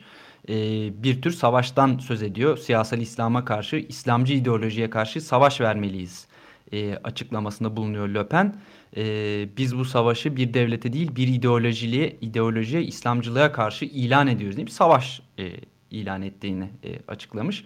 E, yani e, Macron'un gide aşırı sağa yönelen açıklamaları aşırı sağcılar için muazzam bir fırsat sunuyor tabii. Bu şekilde meşrulaşmış oluyorlar onlar da. Evet yani Erdoğan-Macron gerilimi ayrıca Guardian'da da ele alınmış BBC'nin e, iki, iki buçuk saat kadar önce gelen bir haberine bakılacak olursa Guardian gazetesi de e, Patrick Winter imzasıyla e, Erdoğan'ın Macron'a yönelik sert eleştirilerini ve Fransa'nın Ankara Büyükelçisi Hervé Magro'yu istişarelerde bulunmak üzere geri çağırmasını değerlendirmiş ve diyor ki e, tartışmayı sürdürmenin iki liderin de işine geldiğini söylüyor. Yani önce NATO müttefikleri Fransa ve Türkiye'nin Doğu Akdeniz'deki deniz yetki alanlarından Libya, oradan Suriye'den Dağlık Karabağ birçok konuda ihtilaflı olduklarını hatırlatıp Erdoğan'ın da etnik temizlik, Erdoğan'ın metodu onun Kürtleri katletmesine ve Avrupa'yı tehdit etmesine izin mi vereceğiz diyen Fransız Le Point dergisi hakkında suç duyurusunda bulunmasını da hatırlatıyor. Yani Ankara'yı özellikle öfkelendiren Macron'un Fransa'nın layık değerlerini radikal İslam'a karşı korumak için bir kampanya başlatması. Ee, bu barbarca cinayette işte sınıfta Muhammed Peygamber'in karikatürünü gösteren bir öğretmenin kafasının kesilerek öldürülmesi bu tartışmayı yeniden canlandırıldı. Ee, her iki cumhurbaşkanı da tartışmayı sürdürmekte iç siyasi nedenleri var. Macron'un en az sağdaki muhalifleri kadar İslami aşırılığa meydan okuyabileceğini göstermesi gerekiyor. Erdoğan da ülkesinde kamuoyu baskısı altında ve giderek kendisini İslam dünyasında Sünni hareketin lideri olarak sunmaya çalışıyor diyor. E, Macron da şey demiş yani e, Fransa'da Erdoğan'dan taziye ve destek mesajı gelmemesini de not ettik demiş. Elize Sarayı'ndan adı açıklanmayan bir yetkili. Aynı yetkili Frans Ankara'nın Fransız ürünlerinin boykot edilmesi çağrısı yapmasında kaygı verici olduğunu söylemiş. E, yalnız Fransa ile değil tabi S-300, S-400 e, roket atarlarının kullanılmasıyla Amerika Birleşik Devletleri ile de problem olabileceği e, meselesi var.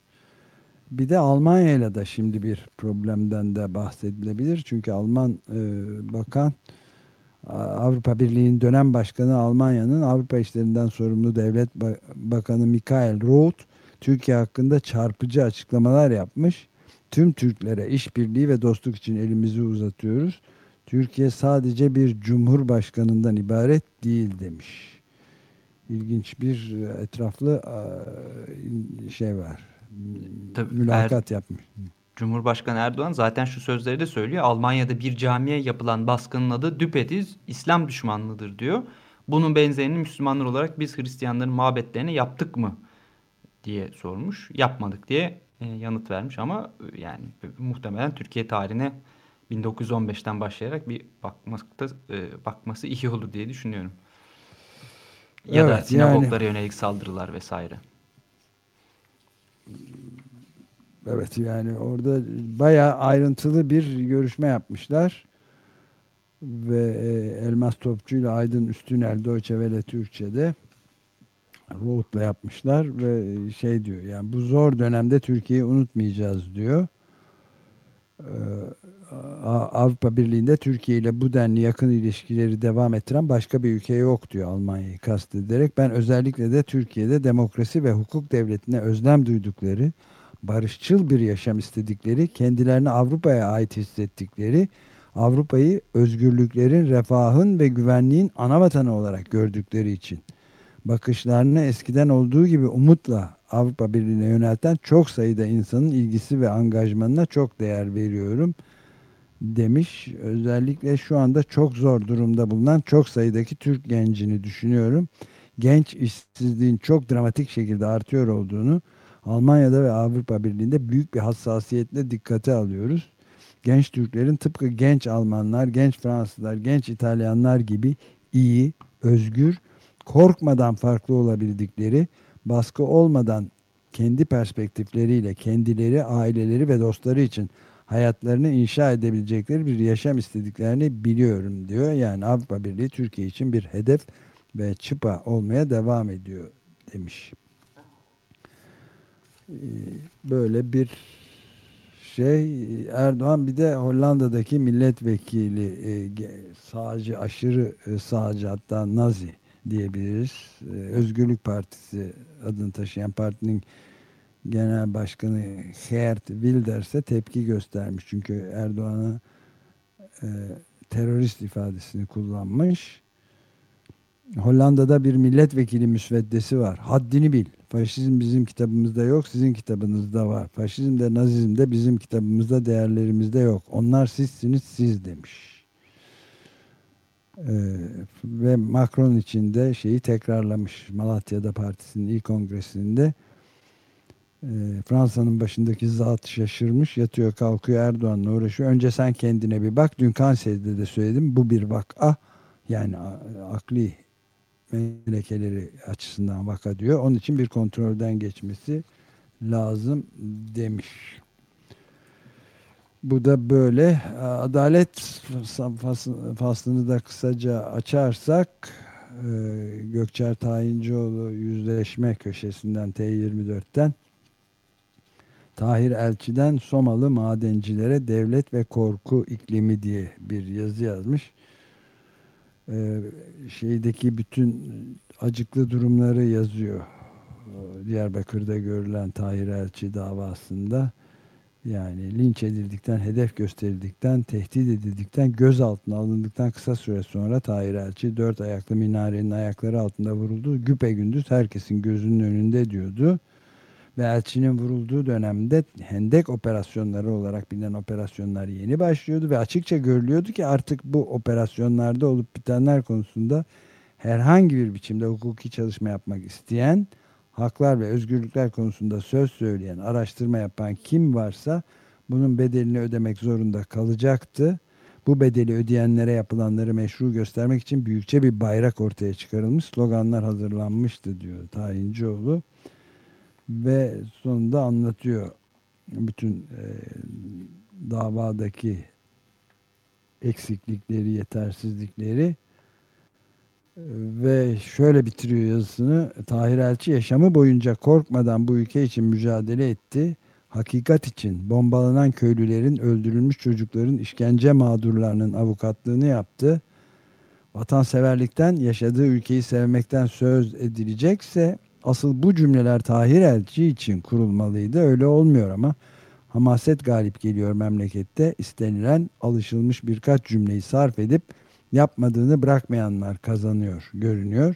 Ama tarihte böyle yazılmıyor, akmıyor. Tarihte bunları yapanlar kalmıyor. Ve şöyle bitirmiş. Manisa'dan yaşam hakları için Ankara'ya yürümek isteyen, her adımda durdurulan, gaz sıkılan, gözaltına alınan soğukta bekletilen madenciler için konuşan madenci söylesin son sözü demiş. Ve o alıntıyı yapıyor. Sanki suçlu bizmişiz gibi diyor madenci. Hırsızlığı, namussuzluğu, arsızlığı biz yapmışız gibi hesabı bizden sormaya çalışıyor. Sanki yani hesabı sorması gerekenlere gidip hesap sormayanlar bizden hesap sormaya çalışıyor. Oysa bizim aklımızı herkes biliyor yerin yedi kat altında alın teriyle yaşamını devam ettirmek durumunda kalıp kör edilenlerden, sakat bırakılanlardan, ciğerleri çürütülenlerden hesap sormasın devlet. Devlet bunları yapanlardan hesap sorsun gücü yetiyorsa. Bir tane kıçı kırık patrondan hesap sormayı beceremeyen devlet gücünü bizde sınayacak öyle mi? Öyle mi alay komutanı? Buradayız biz. Yıllarca arkadaşlarımızın bedenlerinden parçalar kopartıldı o madende. Şimdi bize güç göstereceksiniz ha? Ve bu, biz o güçten korkacağız öyle mi? Vallahi de billahi de korkmuyoruz sizden demiş. Adalet faslında da Gökçer Tayincioğlu'nun yazısına yer verdik. Bir de e, Halkların Demokratik Partisi Gençlik Meclisi, Yeni Demokrat Gençlik, Devrimci Öğrenci Birliği ve Gençliğin Devrimci Güçleri parantez içinde kısaltılması dev güç 15 Kasım'da ilan edecekleri Birleşik Gençlik Meclisi öncesi bir araya gelmişler ve kampanyanın startını vermek istemişler. Ama e, pankart açan gençlerin açıklaması daha başlamadan polis İbrahim Kaypakkaya'nın resminin suç olduğunu belirterek kaldırılmasını istemiş. Polis 30'a yakın kişiyi darp ederek gözaltına almış. Haber takibi yapan gazeteci Fatoş Erdoğan da polisler tarafından götürülmüş. Darp edilmiş üstelik. Polis Erdoğan'ı gözaltı e, aracına götürdükten sonra serbest bırakmış.